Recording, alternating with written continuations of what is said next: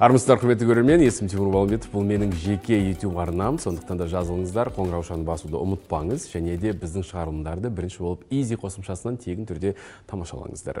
Және де бүгін белсенді болсаңыздар соңына дейін қарасаңыздар біздің керемет сыйлықтарымыз бар. Өз бағыңызды сынап көріңіздер. Ал біз бастаймыз. Мен жаңа қонағымды сіздерге таныстыруға асықпын. Сіз біреулеріңіз танитын да шығарсыздар. Бірақ мен үшін бұл кісі үлкен бір жаңалық болды. Сондықтан да бүгін қонақта жазушы баспагер шығыстанушы ағартушы кезінде теле радио жүргізуші және де мен үшін философ бірақ өзі олай айтпай ақ қой деп айтты жаңа маған. Yeah. санжар керімбай қош келдіңіз қош келдік. Өте өте өте қуаныштымын. Келіскеніңізге көп көп рахмет.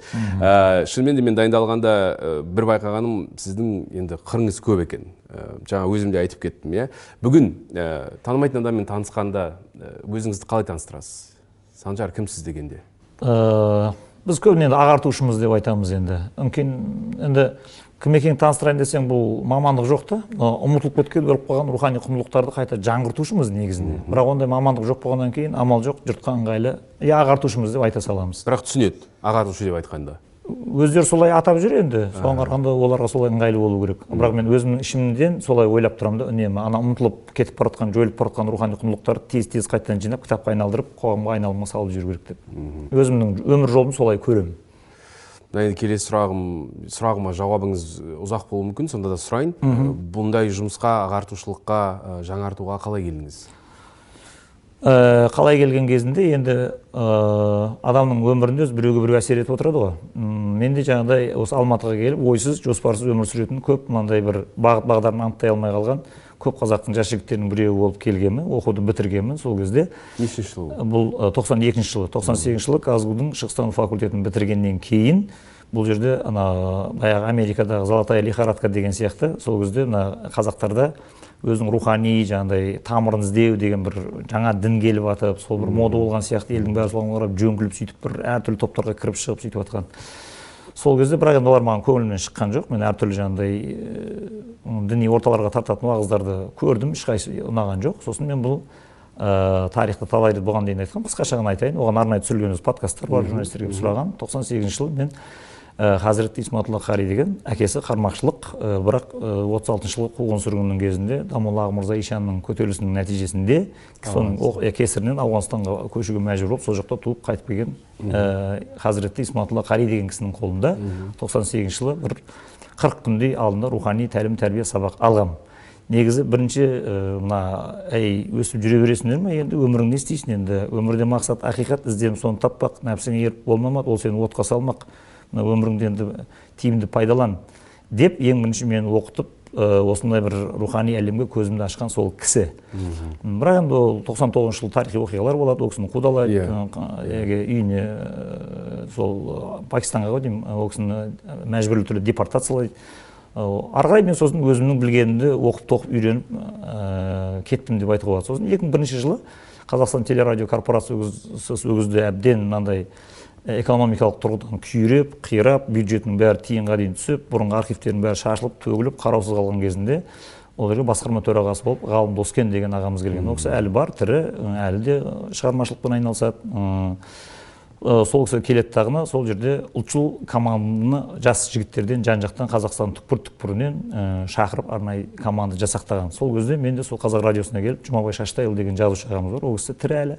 Сол кісіден мен емтихан алады былайша айтқанда сөйтіп менің білімімді тексерді дағыны иә мынау шығыстану факультетінде оқыған көзі ашық біраз нәрсе біледі. Кел деп мен қазақ радиосында 2001 жылдан 2004 жылдың ә, сол ұмытпасам қазан айына дейін мен сол радиода жұмыс істегенмін сосын дін және біз деген бағдарламаны дін және біз ясауи шарафаты сосын керек кәсіп сосын ғаламшар деген балдарға географиялық саяхатты колумб васко да гамалардың өмірін қызықты баяндайтын бір программа болған.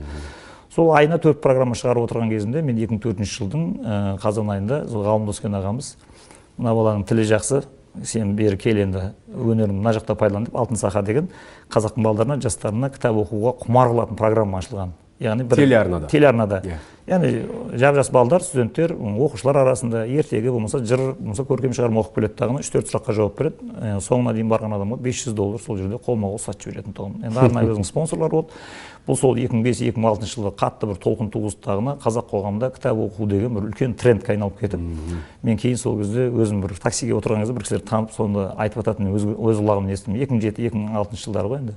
Е сендердің не сиқырларың бар осы телевидение деп айтады. Неге десек үйімізде оқу оқу деп ұрып балдарымызды оқытамаймыз ана телевизордан бірдеңені жылт еткізсеңдер болды бала шағамыз сол кітапты оқып жаңағыдай қырылып қала жаздайды деп. Енді бір телевидениенің шынымен де бір енді сиқыры ғой енді құдіреті өзінің жаңағы әсіресе ол кезде? Иә ол кезде. Енді сұмдық енді өзі интернет жоқ. иә телеарнаның өзі эфирінен бір он минутқа жылт еткен адам енді көшеде жүре алмай қалатын сезінеді ол сондай заман болған иә. Сосын ол сол жерде жүрген кезде өзі ол кісінің ғалым доскеннің мәңгілік қазақстан деген өзі бір концепциясы болды. Сосын жаңағы алаш туасында күн сөнгенше сөнбейміз деп сондай ұрандатып қояды дағыны сол команданың бәрін жинап сол жерде ескертті. Біз бұл жерде жаңағыдай атақ шығарумен даңқ шығарумен әдемі киінумен айналыспаймыз. Өздерің көріп отырсыңдар. Міне біздің тәуелсіздік алғанымызға он ақ жыл болды. Қазақ мәдениеті қазақ тілі деген әбден тапталып жаншылып шала жансар күйге түскен. Осыны қайтадан күшейтіп көтереміз. Сондықтан мына ағартушылық бағытта қимылдаймыз. Бірақ деді ол кезде ғалым доскеннің бір ескерткені бізге енді өзі тікелей ескерткен жоқ енді бөлім бастықтары бар ғой. Солар айтты мына бюджеттен бөлінген ақшаның ә, негізгі қомақты бөлімі ремонтқа кетеді. Себебі мынаның бәрі әбден тозып сынып студияның бәрі қирап жатыр. Сондықтан айлықтарың сендердің бір екі жыл екі жарым жылға дейін ары кетсе он алты мың он жеті мың теңге аласыңдар. Осыған шыдайсыңдар отан үшін жер үшін деді.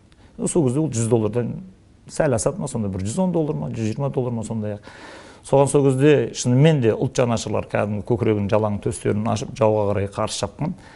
Сол кездегі менің жаңағы ұжымда бірге істеген жігіттерімнің бәрі әрқайсысын енді ә, басы алтын деп шашы күміс деп бағалауға болады. Ғалым боқаш деген жігіт болды. Сосын ә, рахат мамырбек деген жігіт болды. Қайтыс болып кетті. Болат мүрсәлім деген жігіт болды. Ә, күлтөбені ғой деймін жүргізді ол мезгілді ма. Сосын ә, атажұрт деген болды мұрат қожамқұлов деген жігіт жүргізді. Сосын назира бердал деген қыз болды келіншек болды алтын қақпа деген жүргізді. Сосын сәуле әбілдаханқызы ақжүніс деген жүргізді. Сосын қанағат деген жігіт болды қызғу деген жүргізді. Мархабат деген қыз бар еді қасында. Сосын мың күй мың ән деп атақты әнші күйші жыршылардың бәрін шақырып әрқайсысына бір бір ә, неден программадан бөліп беріп бұл сол кезде 2005 2004 2006 жылдары қатты бір толқын туып бір ә, қазақстандағы қазақ ә, орта өздері бір жаңа түлегендей бір ә, баяғы жоғалтқандардың бәрі табылып бір ұлттық мемлекет құрылып жатқан сияқты yeah. бір қатты бір эйфорияға бөленген. Сол кезде көзбен көрген ағартушылық енді ол кезде бір қазақ қоғамында сондай бір әділетсіз ұятсыз адамдар бір билікте отырды. Сол кезде мына радио теле телерадио өнімдеріне қатысты елу де елу деген бір заң бар тұғын. Қазір бар ма ол? Жоқ па білмеймін енді. Бар әлі бар ма? Иә. Сөйтті дағыны мына орыс тілді орта мен қазақ тілді орта елу де елу сондықтан эфирдің программасын екіге бөлеміз деп ұялмағыр ұятсыздар. Бет жоқ сонда этикадан жұрдай. Ә, енді білмеймін енді сол кезде қалай қоғам сол арсыздықты ұятсыздықты көтеріп қалай сол кезде адамдар толқып көшеге шығып кетпегеніне менің таңым бар. Себебі адамды ашықтан ашық қорлау қазақ тілді программалардың бәрін түнгі сағат үшке қойып қоятын тұғын. Иә кино көретін болсаң музыка тыңдайтын болсаң күй тыңдайтын болсаң жыр тыңдайтын болсаң түнгі сағат үште қосасың да. Радиода солай болған. Иә радиода солай болған. Ктк отыз бір хабар бәрі сондайға көшкен. иә. Сосын қазақша программалардың бәрін қазақстан телеарнасы дейді онысы кешкі сағат алтыда ма жетіде ма қосылады түнгі сағат он екіге дейін бір алты ақ сағат па бір жаңағы эфир таратады. Оның өзі ана сапасының бәрі кетіп қалған студиясының бәрі күйреп жатыр. Журналистердің бәрі жаңағы он бес мың теңгеге ешкім жұмыс істемейді. Мықты журналистердің бәрі көп төлейтін жаққа қарай кеткен. Осы ауыр шартқа көндікті. Сол жаңағы мен атын атаған жігіттердің бәрі. Біз отан үшін жер үшін кейінгі ұрпақ үшін халық үшін еліміздің егемендігі үшін өзіміздің ана тіліміздің өркендеуі үшін осыған төтеп береміз деді. Енді біреулердің әйелі жұмыс істейді біреулер әйтеуір қараманға отырды деген сияқты ә, сол сәтте құдай сақтап менің екі ақ балам бар тұғын ол кезде. Жаңағы үлкен балам қазір жетеу дедіңіз? Иә. Қазір жетеу иә. Ол кезде екеу тұғын. Мен үлкен баламды өзім шешем алды да екінші баламды енем алды да өзім әйелім жапонияға токиоға оқуға кетіп қалды да. Иә сөйттім дағы құдай сақтап мен ана жерде сол жаңағы он алты мың ба он бес мың теңге ма айлыққа екі жыл қара нан су ішіп ана жерден біз зорға дегенде шыққанбыз. Ә, бірақ енді обалы не керек? Енді ғалым доскен деген ағамыз ол енді сөздің уәденің адамы уәдесін берді орындады. Шынымен де ананың ішінің бәрін енді дұрыстағаннан кейін. иә енді ананы тілімен жалағандай қылып ремонттады. Бәрін студияларын бәрін жаңадан мен жаңадан соғылған студияны біз қызығын көре алмадық. Енді себебі студия бітіп жатқан кезде бұл кісінің жұмыстан иә иә иә қысыммен алып тастады. сіз бүкіл ұжым болып иә бәрі бұлар проте- кеттіңіздер. иә, протест Иә. жасап жүз жетпіс адам бір күнде кетіп қалған сол жерде ана ғалым доскенге жасаған қиянаты үшін сол кездегі мәдениет министрі ермұхамед ертісбаев сонымен ұстасады және ол ерегістің мен көзіммен көргенмін ол кәдімгі те, біздің телеарнаға келіп төрағаның отыратын бөлмесінде кәдімгі екі жақ ұстасып сол жерде қырғын шайқас болған басты себеп ол кездегі енді басты себебін енді оның астында не болып жатқанын мен білмеймін бірақ жалпы ол кездегі министрдің өз көңіл күйі ол бір ауыз өзі қазақша білмейді. Сосын қазақтың әртістерін де танымайды ол қазақ мәдениетінде де қазақ тарихында да ол қақпайды. Ә, ол кезде енді қазақстанда 2005 жылы президент сайлауы болып ә, нұрқаділов пен алтынбек сәрсенбаев енді тырнақшаның ішінде өзін өзі өлтіріп ә, сондай бір ауыр қоғам орнағаннан кейін авторитарлы режим күшіне мінді дағыны сондықтан ә, сол кездегі экс, экс президенттің тағайындаған министрлері өзін патша сияқты сезінетіндігін бәрі белден басып кете беретіндігін сондықтан олар нақты себептерін білмеймін енді ол бір бір нәрсені айтқым келеді бірақ қолымда құжат болмағаннан кейін айта алмайтын әдет бар ғой. Сондықтан иә қолымда құжат болмағаннан кейін мен оны мынандай себеп деп айта алмаймын. Екеуінің арасында бір сондай бір нәрсе жүріп жатты. Бірақ енді келіспеушілік дейміз иә иә келіспеушілік деп айта салайық. Сондықтан енді бірақ енді ол кісінің жаңағыдай қазақ тілді ортаны қазақ тілін қазақ тарихын әдебиетін мынандай жақтырмайтыны енді түрінен шығып көрініп тұратын еді. Сондықтан ол ұлттық телеарна оның жанында шығған жоқ оны ешкім танымайды да оған екі қойын бір сом тұғын сондай жағдай болған. Сол кезде мен сол команданың ішінде осы ағартушылық ұлттық бағыттағы ағартушылық деген дерт шок менің жүрегіме тағы да келіп түседі сол ғалым доскен деген. Енді басқа да адамдар болды ғой енді исламбек тәуекел деген болды тұрсынжан шапай деген кісі болды ол кісі әлі бар. Ә, тағы ә, гүлнар салықбаева деген ақын тәтеміз болды ол кісі де әлі де бар өмірде. Олардың бәрі ұлтшыл бағыттағы ағартушылар еді. Шетінен сен тұр мен атайын. Енді олардың қасында біз ешкім емес едік ол кезде біз жиырма жеті жиырма сегіздегі баламыз әлі отызға толмағанбыз. Олар бізге сол көп нәрсені айтып түсіндіре алмай шаштары ағарып жататындығын иә бірақ кейіннен енді бұл жаңағы кескілескен шайқас 2006 жылы болған кезде осы қиянаттың бәрін адам көреді. Үкімет деген не билік деген не парламент деген не президенттің жаңағы шексіз билігі деген неге апарып соғады? Соның бәрін адам көргеннен кейін оянады дағыны содан рухани жаңағы бұны енді культурная война деп айтады ғой өзі мәдени майданда сол кезде біз көзбен көрдік. Сосын адамның ішінде бір сондай ерегіс пайда болады. Жаңағы ницшенің айтатыны бар ғой. Адамды өлтіріп тастай аласың бірақ сен оны жеңе алмайсың деген сияқты. Иә. Сондықтан өлтірсеңдер өлтіріңдер бірақ біз енді жеңілмейміз деген бір сондай бір ерегіс пайда болды дағыны біз кеттік ары қарай. Әлі күнге дейін күресіп келе жатырсыз. Жаңа Иә. өзіңіз де айтып кеттіңіз мәдени айда- майдан деп. Иә, Ә, мәдени соңғы мына шыққан кітаптардың арасында өзбек әлі атамызға арналған ә, өмір өміріне ә, жасаған жұмысына және де бізге әлі күнге дейін тиіп жатқан жақсылығы жайлы жазған кітабыңыз. Айтып берсеңіз неге неге бұл кісі неге бұл кітап неге қазір?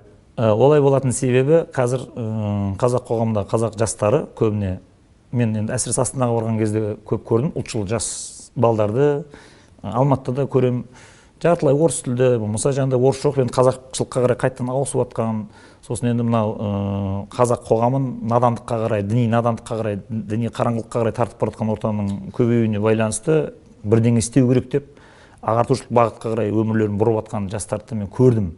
Бірақ біз енді жаңағыдай- досымыз, иә? иә? біреу сол мысалы анон қазақ токстағы Иә. мен диас деген жігітті көрдім. Келіншегі әйгерім екеуі мысалы өздері орыс тілді болса да балдарын енді қазақша өсіреміз деп ешқандай орыс сөзін естіртпейді. Баласын мен батыр деген баласын көрдім. иә. төрт жасар шынымен де баласы қазақша жап жақсы сөйлейді. Әкесі мен шешесі оның қасында қайда? Әке шешесіне сабақ береді ол қазақша. Ә, жоқ ұрысады екен ол. Иә. неге орысша сөйлейсіңдер деп. Иә айтып қалса. әне оны- онысын маған көрсеткен жоқ қайта. Сәлем. Иә. Сөйтті дағыны ә, мен сондай адамда сондай жастарды көрдім. Бұлардың бәрі мына мәдени майданда қалай шайқасу керек? Кімдер шайқасты? Ол тактикасын қалай жасайды өзі? Стратегияны қалай құрады? Фундаментінде не тұру керек? Оны олар ана ә, тілдік фактор осы жерде ескеріледі. Ана қазақшаға жүйрік болмағаннан кейін ана тілінен ана кішкентай кезінен бесік жырынан бастап тыңдап өспегеннен кейін ана ізге түсе алмай тұрады. Сондықтан бұл бір шетінен біз жаңағыдай е мына біз мәдени ғылыми майданды дұрыстап көрсетейік деп бір елу тұлғаны тізіп алып былтыр бұл әңгіме ә, былтыр қыркүйек айында жиырма екінші жыл сөйтіп ә, мектепке арнап бір әрқайсысын отыз беттен бір тезис жасап таныстырайық деп мен қаныш сәтбаевты бауыржан момышұлын өзбекәлі жәнібековті мен мойныма алып қарап ақтарып көріп жатқан кезде сол міне іздегенге сұраған бір ойды бір ой түртеді бір жоқты бір жоқ табады. Осында бір білгім келеді деген студенттердің клубы бар жастар жиналып әңгіме айтады жүздің үстінде. Соларда маған телефон соғады да сосын да өзбек әлі жәнібек бір ақтарып төңкеріп жүрдіңіз ғой соның жастарға қызық болсын өмірін айтып беріңізші. Деп жарайды мақұл дедім да кітапханаға барып тағдыр тағылымы деген кітабын оқыған кезде бұл кісінің мәдени майданда негізі бұның ең қарқынды жүргізіп ең көп жаңағы тәжірибе жинап мына қаһарман болып шығатын жер бұл торғай облысындағы шайқас. Негізі бұл кескілескен шайқас сол жерде бұл жаңағы барып бір тура полигонға барған сияқты енді бір жаңағы дайындықтан өтетін. Сол жерін оқып мен өзім таңқалдым дағыны жастарды отырғызып қойдым дағыны тек торғайдағы болған мәдени майданда аналарға бір сағаттан аса әңгімелеп беріп едім. Ана балдардың көзінде оттың жанғанын көрсем он он бес он алты он жеті он сегіз жасар балдар енді. Ішінде біреу туған ағамның баласы отыр екен. Сол жаңағы үйіне барғаннан кейін айтқан ғой енді жаңағы терісіне сыймай отырған сыртқа асып тасып төгіліп. Соны туған ағамыз звондайды ей бүгін не істегенсің сен мына балдарға? Не болды десе мыналар бір тауды қопарып жіберетін бір жаңағы тау жығатын екпінмен келіп есік теуіп кірді дағы көке сен білесің бе? Өзбек әлі не істеген торғайды қалай көтерген деп. Ол шынымен де таңғажайып оқиға болған рас. Бұл негізі өмірде өте сирек болатын оқиға. Ол кезде торғай облысы деген не? Орталық арқалық өзі қалада қанша? он алты он жиырма мыңнан асатын ба? халық тұрады өзі. Өзі ол жерде қоғамдық орыннан 25 адам шомылатын монша ғана бар. Не гастроном жоқ ол жерде не аэропорт жоқ не ол жерге темір жол бармайды. Басқа ештеңе жоқ. Құр мынандай маң далаға дала. Иә сол жерден облысты құрады дағыны облыстың орталығы арқалық бекітіп брежнев қабылдайды дағыны бұларды ал жігіттер қорықпаңдар қаржылық қолдау бәрі болады. Сендер тек қорықпай істей беріңдер деп қонаев ан 24 деген самолетпен сол жерге ұшып барып қонады дағыны халықтың бәрін жинап ал жаңа облыс ашылды. Міне сендердің жаңағы бірінші екінші үшінші төртінші хатшыларың атамандар мына сахан құсайынов болады. Жаңағы идеология жөніндегі хатшыларың мына өзбекәлі жәнібек бұған дейін комсомолдың бірінші секретары болған өзі оның атағы жер жарып тұрған. Жақсы сау болыңдар дейді да. Димекең самолетқа мінеді да қош бол арқалықта ұшып кетеді соны алып далада қалады. Соны жазады естелігінде. Мен барып ана жерде жатайын деп бөлме маған берілген бөлмеге кіріп қалсам дейді. Терезе стеклосы сынып қалған. Полдың еденнің бетіне мынандай он сантиметр қар тұрып қалған. Осы жерде үшінші секретарь ұйықтау керек ана жерден. Соны бұлтырады дағы мына қарды тазалаңдар сонымен жуынатын су жоқ қарға жуынып шайынып сол жерде ана бұны бір шетінен немен де мына кітаптың ішінде бар. Әуелі мәдениет сосын экономика деген бөлім бар. Сонда мына қазақстан біздің қазір отыз жылда мына экономика қалай күл талқан шықты деген кезде енді мәдениет күл талқан болды деген кезде әуелі экономика сосын мәдениет деп соққан. Және ол жиналыста мен болғанмын тоқсан төртінші жылы нұрсұлтан назарбаевты казгуге шақырған. Әуелі экономика сосын демократия. Иә мәдениет тіл тарих иә иә. ол жиналыста мен болғанмын. тоқсан төртінші жылы әр группаның старосталарына жаңағыдай назарбаевпен жолығуға не берген билет берген. Соны менің жаңағы старостым бармаймын мен қызықпаймын деді берші мен назарбаевпен сөйлесейін дедім дағыны алып алып қызық көріп екінші курста. Казгудың геофагының ішінде бір залға мен кіргенмін сол кезде.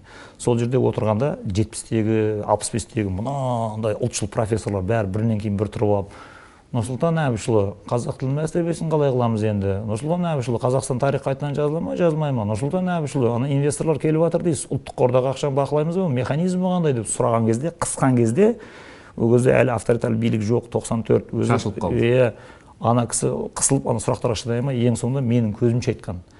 Е айналайындар отыз жылдан кейін күннің сәулесімен жүретін машина шығады. Сол кезде сенің мұнайыңды ешкім алмайды. Мына рынокта сұраныс бар кезде мен мына мұнайды газ сатып сатып мына ұлттық қорды ақшаға толтырып алайын. Тіл тарих анау мынау бәрін сосын сұрайсыңдар.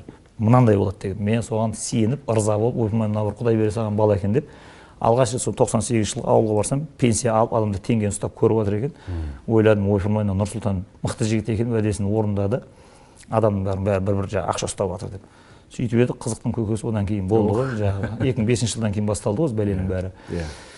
Сондықтан мен бұның бәрін көрдім. Ә, содан кейін мына ненің ішінде бұл өзбек әлі осыны кері айландырып жібереді арқалыққа барған кезінде сөйтеді дағы тоқтай тұрыңдар дейді. Бірінші мәдениетті көтерейік экономиканы сосын көтересіңдер. Сөйтеді да бұл ең бірінші тазалық мәселесі дейді да барлық елу үйден асатын болса үкімет монша соғып бересің дейді. Сосын әр үйге совхоз директорларын бәрін міндеттейді. Жерге отырып тамақ ішпейсіңдер дөңгелек стол жасап бересіңдер столдың үстіне тамақ ішесіңдер жерге жатпайсыңдар кереует жасап бересіңдер. Сөйтеді дағыны ауыл арада ауылдың арасындағы төгіп тасталған көң қоқыстың бәрін трактормен шығартады дағыны бәрін арықтың бәрін тазалатып бәріне тал ектіріп қояды сол жерден. Сөйтіп олар гүлденеді ана жер. Сөйтеді дағыны ол ештеңке емес. Торғай әуендері деген фестиваль ұйымдастырып бүкіл қазақстандағы талантты әнші бишілердің бәрін жинайды дағыны бірінші рет көш ұйымдастырады мынандай. Сонда таңғы сағат алтыда ма адамдар оянып жатса ей сүйінші тұрыңдар той той! деп аттың үстінде дүгдік дүгдік дүгдік деп баяғы орта ғасырдағыдай ана бастарына шыт байлап алған жігіттер атпен шауып жүр. Ондай мәдениетті көрмеген ана ұмытып қалған халық қалаға шықса ұзын сонар көш келе жатыр еді. Көштің ішінде ыбырай алтынсарин тұр шоқан уәлиханов тұр абай тұр. Дәу мындай грузовик машиналардың үстіне киіз үй тігіп алтыбақан тігіп тастаған ананың үстіне. Бір қараса қыз жібек пен төлегеннің күймесі кетіп бара жатыр ана жерде алдары өсе қожа насыр бір бір ешек мініп алған ананы көріп бұлар есінен танады содан концерттен концерт концерттен концерт. Ол ештеңе емес мен жаңағыдай өлкетану музейін ашамын дейді дағы өзбек әлі. Ана жерде бір ескі зданияның ішін бәрін ремонттап үш этаждан тұратын қылып бұл жетпіс екінші жылы қазақ тарихын оқу тыйым салынып мен есімде сол кезде оқығанмын мектепте оқытады қазақстан тарихын алып дейді мына пышақтың қырындай жіп жіңішке бір кітап алып келесің оны оқытпайды да біз куликова шайқасы ана жаңағы пересвет пен челюбидің жекпе жегі екеуі бір бірін өлтірді соның бәрін емельян пугачевтың көтерілісі бәрін жатқа соғамын ал мынаны білмеймін. иә. Сондай болып жатқан кезде бұл барады өлкетану музейі дейді дағы қазақтың тарихы сақ ғұннан бес мың жылдан бұрын басталады деп о атам заманнан бері тауып алған ана жаңағы неден қоладан жасалған заттың бәрін қояды дағы ана жердің бәрін. Шоколад жасайды ғой. Сол мысалға қатысқан сол раиса ә, райымбекова деген оның несі болған оң қолы болған. Мен ол кісіні көрдім тірідей сөйлестім. Сол айтады өзбек ананың ішін біткен кезінде дейді тілімен жалап түнгі сағат он екіге дейін бәрін сүртіп ең соңында ешкімге сенбей ертең өзім ашамын деп кілтті алды да қалтасына салып алып таңғы сағат сегізде ашып сонда облыстың бір секретары сахан құсаев ананың ішін ашқан кезде есінен танып құлап қала жатады. Неге десем себебі ананың ішін экспозицияны жасаған кезінде өзінің таныстарын пайдаланып баяғы комсомолдағы кілең москва мен ленинградтың музей жасаудың шеберлерін бәрін әкеліп жасатқан дейді. Ананы көрген кезде басқа әлемге өтіп кетті дейді ғой. Бұның таңғы дүркіреп торғай облысының торғай ауданы мен амангелді ауданындағы оның ар жағындағы о ит өлген жердегі ауылдағы сексенге тоқсанға келген селкілдеген дірілдеп тұрған кемпір мен шалдардың бәрі ағылып келіп музей көріп ана бұлардың бәрі сол оянады. Содан айландырған екі жарым жылдың ішінде жетпіс үшінші жыл ма торғай облысы сссрдағы миллионер төрт облыстың біреуінің қатарына кіреді дағыны бұларға социалистік еңбек ері деген атақты ана кімге тағады? Бірінші секретарға сөйтіп дағыны ленин орденін әкеліп туға тағады туды сүйеді. Өзінің сол заманның жаңағы нравтары ғой. Енді иә. Содан дүркірейді бұл торғай. Содан бұның бәрі бұл әбден сол жерде әлі алматыда жоқ ұлттық фольклорлық ансамбль деген сол жерде шертер деген ұлттық жаңағыдай аспаптардың бәрін жасайтын шеберлерді алматыдан алдырып бәріне үй беріп бәрін жайғайды дағыны сол жерден ізім ә, тойған ізімова деген биші жап жас қызды ақтөбеден алдырып оған ұлттық биді үйрету үшін мхатта профессор болып жүрген галушкевич ольга деген бір кемпірді алдырып иә. Сөйтіп дағыны ол кісіге ана интеллектпен екеуі айтысып тартысқан кезінде ақыл парасатымен ананы жеп қойды дейді жұтып қойды дейді ана ольганы. Ольганың ананың адамгершілік парасатына құлаған соншама сіз не айтсаңыз да істеймін деп айтты дейді. Сөйтіп айтты дейді. Қазақтың биін маған мынандай немен емес теориямен ғылыммен жасап бересің деп ана ішіне философиясын. Содан ол өзі елуге келіп қалған кемпір еді сол кездің өзінде дейді. Жетпіс төртінші жылдары жетпіс екінші жылдары. Қалған бүкіл өмірін тоқсан үшінші жылы өлгенге дейін тек қазақ мәдениетін зерттеп бақайшығына дейін тексеріп тек қазақ биінің жаңағыдай нелерін философиясын дамытуға арнап көзбен көргендер айтады е ол кісі тамақ ішпейтін еді дейді да мына сазген жігіттер айтады. Қашан көрсең қазыбек деген темекі шегіп отырып кофе ішіп отырады қарны ашса бір сосиска жейді болды дейді. Мына екі шетінде том том кітаптар тұрады дейді. Көкпар кілем тоқу жаңағы жүн сабау жаңағы бояу түрлері деген оқи берген оқи берген оқи берген галушкевич сөйтіп мына алматыға келген кезінде кейін торғайда да жинайды арқалықта. Осы алматыға мына мыңбаев деген ауылға алып барып тоқсанға келген жаңағы жамал деген ба әже сол жерде отырып алып жаңағыдай бидің қимылдарын біледі осы кісі ескі деп. Сол жерде жүн сауып отқан жерінен барып темекі шегіп басында жаңағы галушкевич қарап отырады дағыны содан бұл кітап жазып екі кітап жазады сексен төрт сексен бесінші жылдары бұл. Содан ал торғайда жүрген кезінде ең бірінші жаңағы тойған ізімоваға киім тіктірген кезінде большой театрға москваға алып барып соның шеберханасында подвалында бұған киім тіктіреді. Сөйтіп бұлар ең бірінші фольклорный ансамбльді алматыда емес торғайда шығады шертер деген атпен. Сөйтіп бұлар шетелге шығып мозамбикке барып африкаға барып өзі жетпіс төртінші жылдары сссрдың адамы шетелге өлше шыға алмайтын сол кезде бұлар шығады. Содан сексен төрт сексен бесте мына жаққа келеді. Енді осы жерде бір қызық айта кетейін. Қазір дейді миллион жерден сен балет өнерін операны сен насихаттай бер дейді. Бәрі менталитет күш алып кете береді. Яғни қазақтар көбейгеннен кейін балаларын балет өнеріне бермейді. Енді біреудің енді әйелін аспанға лақтырып жіберіп бөтен қағып алу деген қабылдай алмайды ғой біздікілер енді ойбай біртүрлі деген сияқты. Шәкен аймановтың жаңағы тақиялы періштесіндегі эпизод сияқты. Иә. Сондықтан ұлттық биге қарай ауып бара жатыр және бұлар ұзақ билейді. Ұлттық биді билейтіндер. А балериналар сияқты отыздан аса беріп пенсияға шықпайды. Зейнетке ерте иә енді дейді тойған апамыз айтып жатыр маған сен сенесің ба? дейді. Соны баяғыда өзбек әлі ольганы шақырып соған кітап жаздырып жатқанда бәрі мазақтап күлген кімге керек сенің ол кітабың? деп дейді да. Қара өйткені ұлттық өнер өліп жатты ғой мына бір өзі күресіп жатты тоқсан бірінші жылы сыр тарап кетеді дағы қазақстан құрылып қалады дағыны қазақтардың саны өседі да ұлттық мәдениетке деген сұраныс өсіп кетеді отыз жылдың ішінде. Енді қазақ биін үйренуге деген сұраныс өте қатты би үйірмесін ашшы адамдар деген жетіп келеді ана жерден. Үйретейін десең баяғы ольганың жазып кеткен өзбек жаздырған. Екі ақ кітабы бар басқа кітабы жоқ дейді. Сенесің бе сен осыған деп айтып жатыр. Осындай оқиғаны мен миллионын білемін қазір. Содан бұл торғайды миллионер қылады. Иә бұл қанды қыздырып жібереді. Қазір тағы да сәл айтатын болсам сен мына программаны тоқтатасың ана кітаптың ішіне кіріп кетесің. Жоқ мен айтайын Иә. дегенім иә бұл кітап енді сатылымға түсті ғой. Алуға болады. бір апта болды сатылымға шықты. Төрт мың теңгеден сатылып жатыр Ә, бүкіл қазақстанның аймақтарына жаңағы таратылып жатыр меломан алып жатыр ә, каспийде по моему Ә, иә сатылып жатыр иә мен бірден айта кетейін осы жерде. Иә құрметті көрермен алыңыздар үлгеріңіздер кейін қапы қалып ә, сатылымнан шығып кетті таусылып қалды деп жүрмеңіздер. Ал біз болсақ ә, осы кітаптардың ә, неше үш кітап әкелді. Бүгін ағамыз үш адамға табыстайтын боламыз. Бағдарламаның соңына дейін көріңіздер. Өйткені өте қызық. Спойлер болмасын барлығын айтып Иә, иә, иә. айтып бересіз әйтпесе мен тоқтатпасам сізді. Иә мен айтайын бұның жетпіс пен жетпіс төрттің арасындағы төрт ақ жылын айттым. Ал бұның әңгімесі елу жеті елу сегізден тоқсан сегізге дейін жалғасады. Жалғасы болуы мүмкін ба? Сіздің егер қосымша тың деректер жиналып қалса қызық мен білмейтін. Тағы да кеше презентация болған кезде көзі тірі куәгерлер келді да е балам ау мен де бірге жұмыс істегенмін мен мынандай деректер білемін деді. Енді оны мен жол сұрай алмаймын өзім мына презентация бүкіл қазақстан шарлап жүрмін. Тұра беріңіз дедім енді бұл жерде бірақ бір қауіп бар да. Бұл кісілер қартайған кісілер ғой. Иә. бүгін бар ертең жоқ. Кез келген сәтте ұшып кетуі мүмкін. Сондықтан егер құдай өмір беріп бір сәтін туғызып ол кісілерден тың деректер жинап алып тағы да қанымды қыздырып жіберетін болса бұл кісінің тірліктері. Мен бірдеңе жазуым әбден мүмкін. Уәде бере алмаймын бірақ жоқ деп те айтпаймын. Тамаша тамаша. Ондай болса ә, соңғы кездері сіз енді соңғы кездері емес ә, 2012 жылы отбасы хрестоматиясы деген қоғамдық қорының негізін қаладыңыздар сіздер. Содан бері ә, содан бері ма әлде оның алдында ма Содан бері. ә, психологияға психотерапияға бет бұрғаныңыз? Енді ол жерде ол психотерапия деп те айтуға келмейді енді. Оның алдында біз 2007 жылы мынандай сезім болады. Мен алматы қаласында тұрамын ә, атақ абыройым бар әйел бала шағам бар алматыда екі бөлмелі пәтерім бар бала шағам өсіп жатыр былай. Бірақ түнде ұйықтайын десең ұйықтай алмайсың. Ол кезде біз оны білмейміз. Дөңбекшіп азанда тұрсаң бір көңілің мазасызданып түнде ұйықтаған кезде тәтті ұйқыға кетпейсің әбден шаршап сілекпен қатып барып ұйықтайсың ол кезде мен білмеймін оның не сезім екенін. Былай қарап тұрсаң енді ол кезде біз дінге де сенеміз құлшылық ғибадат- ғибадаттарымыз да бар өзімізше бір жасап жүрген. Сол кезде бір кездейсоқ. Мен дүкенге барамын дағы мына москвадан шығатын аванта плюс деген серия энциклопедиясы болған. Соның ішінде духовный мир человека деген бір том түседі. Соның ішін ашып оқып қалсам ішінде бір бөлімде стремление к смыслу деген бір мақала тұр екен бір бөлім арнаған. Сол жерде қарап қалсам оқып отырсам сол ана жазып жатыр енді ана автор. Е, солай солай ол сөйтсем виктор франкл деген екен. Сонда ол айтады е ол адам сыртқы соққыдан өлмейді ішкі бостықтан өледі. Қарасайшы концлагерьде аспенсумда жаңағы аушвиц дейді ғой сол жерге барып түскен кезде физикалық тұрғыдан мынандай мынандай зіңгіттей жігіттердің бәрі бір екі жылдың ішінде бәрі жаңағыдай ана тоқпен ұратын жоғарғы кернеу сымдарға асылып өліп қалды дағыны ілмиген бірақ ішкі дүниесі бай адамдардың бәрі тірі шығып кетті бір мәнге ұмтылғандары. Сондықтан бұл адам өмірде адам бір өмірдің мән мағынасына ұмтылады деп жазады. Сол қызығып кеттім дағы мен бұны ә, жаңа ғана психолог в концлагере деген кітап қазір сатылып жатыр ғой сказать жизнь да деген. Соны мен барып интернеттен шығарып алып оқығанмын қатты қызығып. Соны өз бетімше тағы оқиын деп барып ана леонтьевтің аударған жаңағы человек в поисках смысла деген кітабын оқиын деп едім түсінбей қалдым шамам келмей қалды.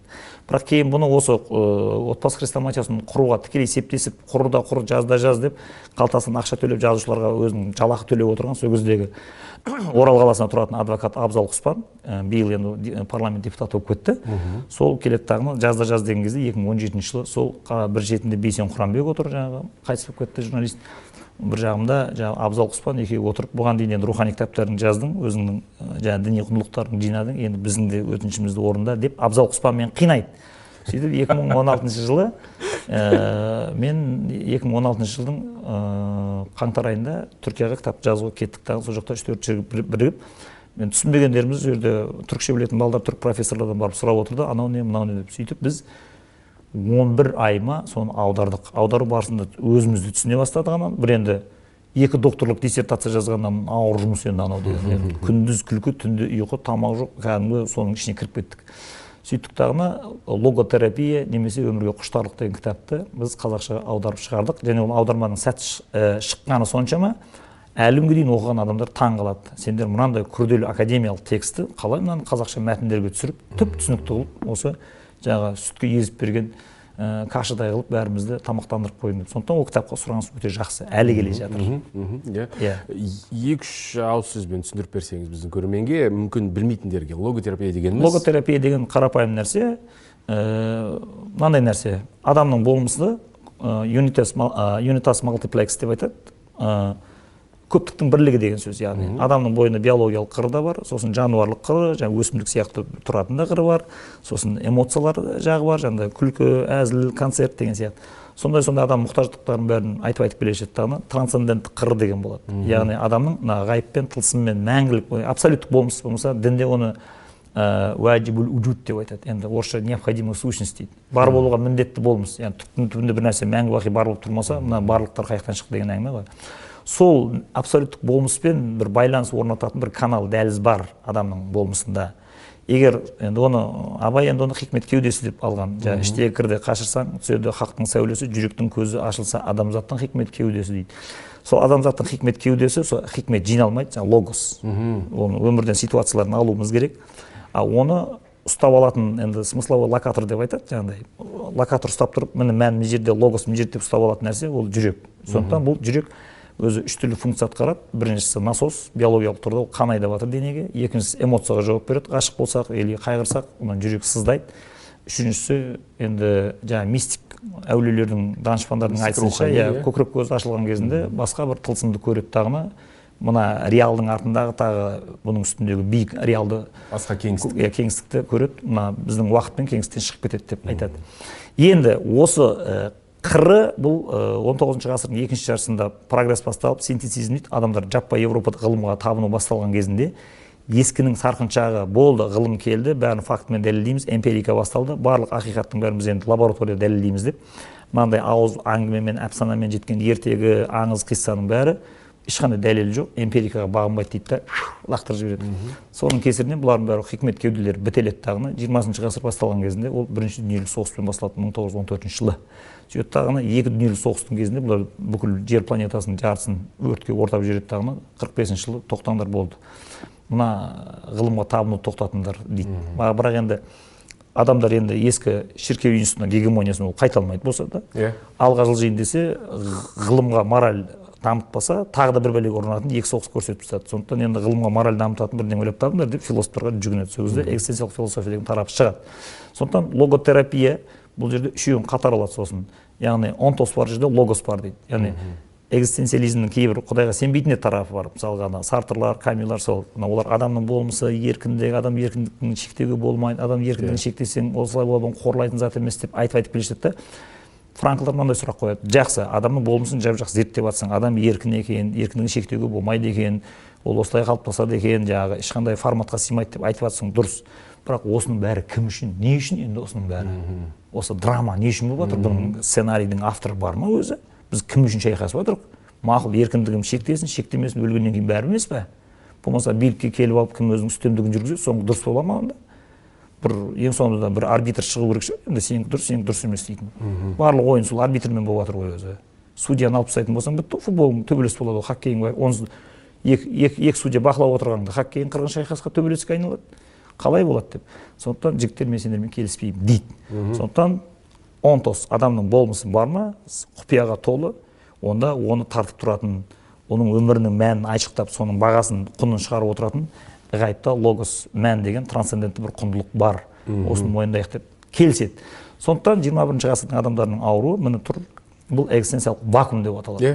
Иә иә бұл жаңағы трансцендентті құндылықтар яғни сенің мәңгілік бар болып тұра беретін абсолюттік болмыспен қатынас қарым қатынас орнататын рухани құндылықтардың бәрін дәліздердің бәрін жаба берсе ғылыми дәлелі жоқ анау мынау ескінің әңгімесі діни реңі бар діни оттенкті кіргізуге болмайды деп жауап беретін болсаң ол бітеліп бітеліп бітеліп әбден прок болған кезде мынаның ішінде давление көтеріледі дағы сосын енді раздробленность личности деген болады жаңағы болмыстың бөлшектенуі дейді.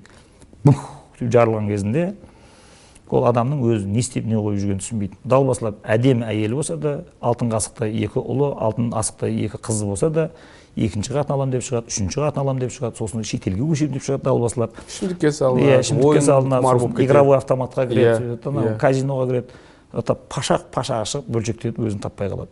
Сондықтан соларға айтады сіздің былай бөлшектенуіңіздің енді бұны субъективті негіз деп айтады. Енді себеп пен енді reason and cause деп екіге бөледі.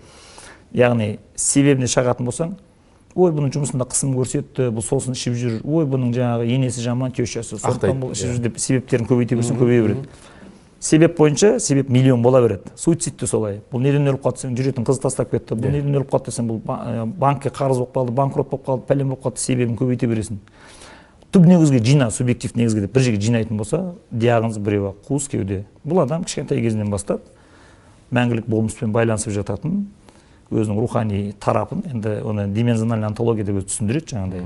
Сол жаңағы мәңгілік әлеммен байланысып бейсаналы түрде жүріп жататын құндылықтардың бәрін өзі бұл кісі жауып тастаған. Яғни бесік жыры айтылмаған қуырмаш айтылмаған санамақ айтылмаған. Сондықтан біз 2013 жылы ең бірінші әлдиден эпосқа дейін деген кітап шығарған кезде сырдың кезінде шыққан трансцендентті мәні жоқ яғни ғайып пен тылсыммен байланыспайтын санамақ пионерский октябрьский тақпақтың бәрін шығарып тастады да. Жүзімді қайтадан жаз дедім мұхит төлеген деген жігітке соавтор яғни шоқтанып түзілген тәтті жоқ жүзімнен. Піскенде балбырап бұтадан үзілген әкелген жұмақтан суарған бұлақтан мейізі көбейді періште ұнатқан дейді. Ну сөйтеді оны аңызын бастап кетеді. Себебі енді нұх пайғамбардың кемесіне мінген кезінде барлық тұқымнан бір біреу алып алды соның үшін жүзім тұқымы тұр еді ібіліс алды да аузына салып алып ойнап отырды. Нұх пайғамбар ертең тексерсе жүзім жоқ. Е құдайдың алдында есеп беремін кім алды? қараса ібіліс мен бер оңбаған деп еді. Жаңағы жүзімді еккеннен кейін үш рет маған суғаруға рұқсат етесің деп айтты мақұл деп айтты. Сосын біт ол құстырды алды қазақстанға келді қазығұртқа келді якорьді не қылды жіберді кемені шөгерді бәрі түсті. Жүзімді алып нұх пайғамбар егіп тұқымын сақтап көгертіп жатыр еді ібіліс келді ей көке уәде қайда? давай маған үш рет сөйтті ана зәрінің несін қосып суғарып еді вино шығатын себебі содан екен. Сондықтан бұның жаңағыдай алкогольдік зияны болмас үшін бұны кептіріп тастайды. Сондықтан ана не шарап жүзімнен гөрі кептірілген мейіздің адамға денсаулығы зор. Сондықтан жаңағы кептірілген мейіз тұратын үйді періштелер күзетеді деген әңгіме ар жағында дүниенің әңгімесі жатыр оның ар жағында. Содан бұл иә, бір құрманың өзіне бөлек жаздырдық мысалға. Жаңағы шыққан жеміс жұмақтан пайдасы пайдасы мол жаңғатын пайғамбарлар ұнатқан қиссаларға кетіп қалдыңыз. иә арыстан бабқа тапсырып қожа ахметке бер деген құрмамен келіп жақсылық мерей діннің өрлеген жаңағы оразада айнала дастарханның сәніне тәсіп болып байланар тіске ұқсайтын дәніде деп шығарады. Бұны не үшін айтып отырмын? Бала кезден тақпақты жаттаған кезде бесік жырынан бастап оның ішкі мазмұны трансцендентті болмайтын болса егер тұйықтап енді оны закрытый система деп айтылады оны монодология дейді. Тұйықтап ұстайтын болсаң яғни оның періште иә иә. ғайып иә. нұх деген сөздің бәрін алып алып тек материалды нәрсеге ғана байлап бұл пайдалы құрамында мынандай витамин бар дей беретін болсаң тұйықталып қалады анау. Сондықтан ана жарып шыға алмай қалады. Енді негізі бала туылғаннан он үш он төрт жасқа дейін оны сүйреп келе жатқан таным негізі рационализм емес. Оны magical thinking деп айтады қиялмен кетеді ана жерден. Егер сол magical thinking жауып тастап кішкентай кезден рационализмге синтетизмге бейімдейтін болсаң онда робот жасап шығарасың. Ух қандай қызық. Келесі сұрағыма дәл әкелдіңіз өзіңіз. Иә. бізде франклдың ә, мына енді бастаған мектебінің тарамауы тарамауының бір се- бірден бір себебі ол кеңес үкіметінің политикасы. Солай ғой. Иә совет Өйткені- одағының кезінде Иә. кәдімгідей осы мына құдайға емеурін білдіретін экзистенциализмнің бағытын бәрін жауып тастаған. Сондықтан ницшені де оқи алмайды олар керкегардты оқи алмайды иә. Франклды оқи алмайды. Оның орнына бірақ иә. Фрейд өте жақсы болған.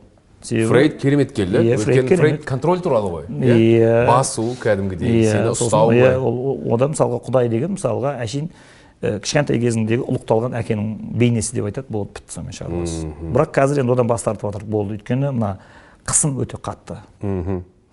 Қазір қалай біздің жағдайымыз? Дәл қазір осы қазақстанда. Қазақстан жағдайы өте мүшкіл. Ә, біз екі тараптан да таяқ жеп жатырмыз. Иә. Ә, біздегі екі қазақстан тарап айт деп отырғаныңыз ол біріншіден мына біздің ә, қазір айтайын. Аха. Иә. біздегі рухани құндылықтарды насихаттап ә, таратуы тиіс негізі діншілдер болу керек негізінде. Бірақ біздегі маған түсініксіз бұлардың не үшін өйтетіні ә, өзін мұсылманмын деп жариялайтын қауымның бәрі қиссаларды өтірік дәлелі жоқ ойдан шығарылған нұх пайғамбар ол қазығұртқа келмеген ол жаңағы арафат тауында жүрген жаңағы тағы бір тауларға тоқтаған деп ана буквализмге ұрынады дағыны мына қазақтың мыңдаған жылдан бері өндірген таңғажайып осындай рухани құндылықтардың бәрін айналымға салмайды қолданбайды шығарып тастайды. Сөйтеді дағы өздері буквализммен айналысады. Яғни енді оны реификейшн деп айтады енді заттану ана Иә. нелердің бәрі. Тек көзге көрініп тұрған заттарды ғана ұстау тек фактімен ғана жүру мындай көңілмен интуициямен сезетін нәрселерді есепке алмайды онша көп. Жаңағы мысалы жүректің көзі бар дегенде айтылмайды әйтпесе құранда деп тұрады. Адамдардың азып тозып быт шыт болып кеткені маңдайындағы екі көзінің соқырлығынан емес жүрек көзінің соқырлығы дейді. Оны дәруіштер әдемі айтады. Дәруіштің жүрек көзі ашылғанда маңдайындағы екі көзі соқыр болады деп айтады. Яғни сен дүниені былай көруің керек сосын бастағы көз көз емес бұл шалбардың тесігі деп айтады мысалға. Оның бәрі қолданыста жоқ.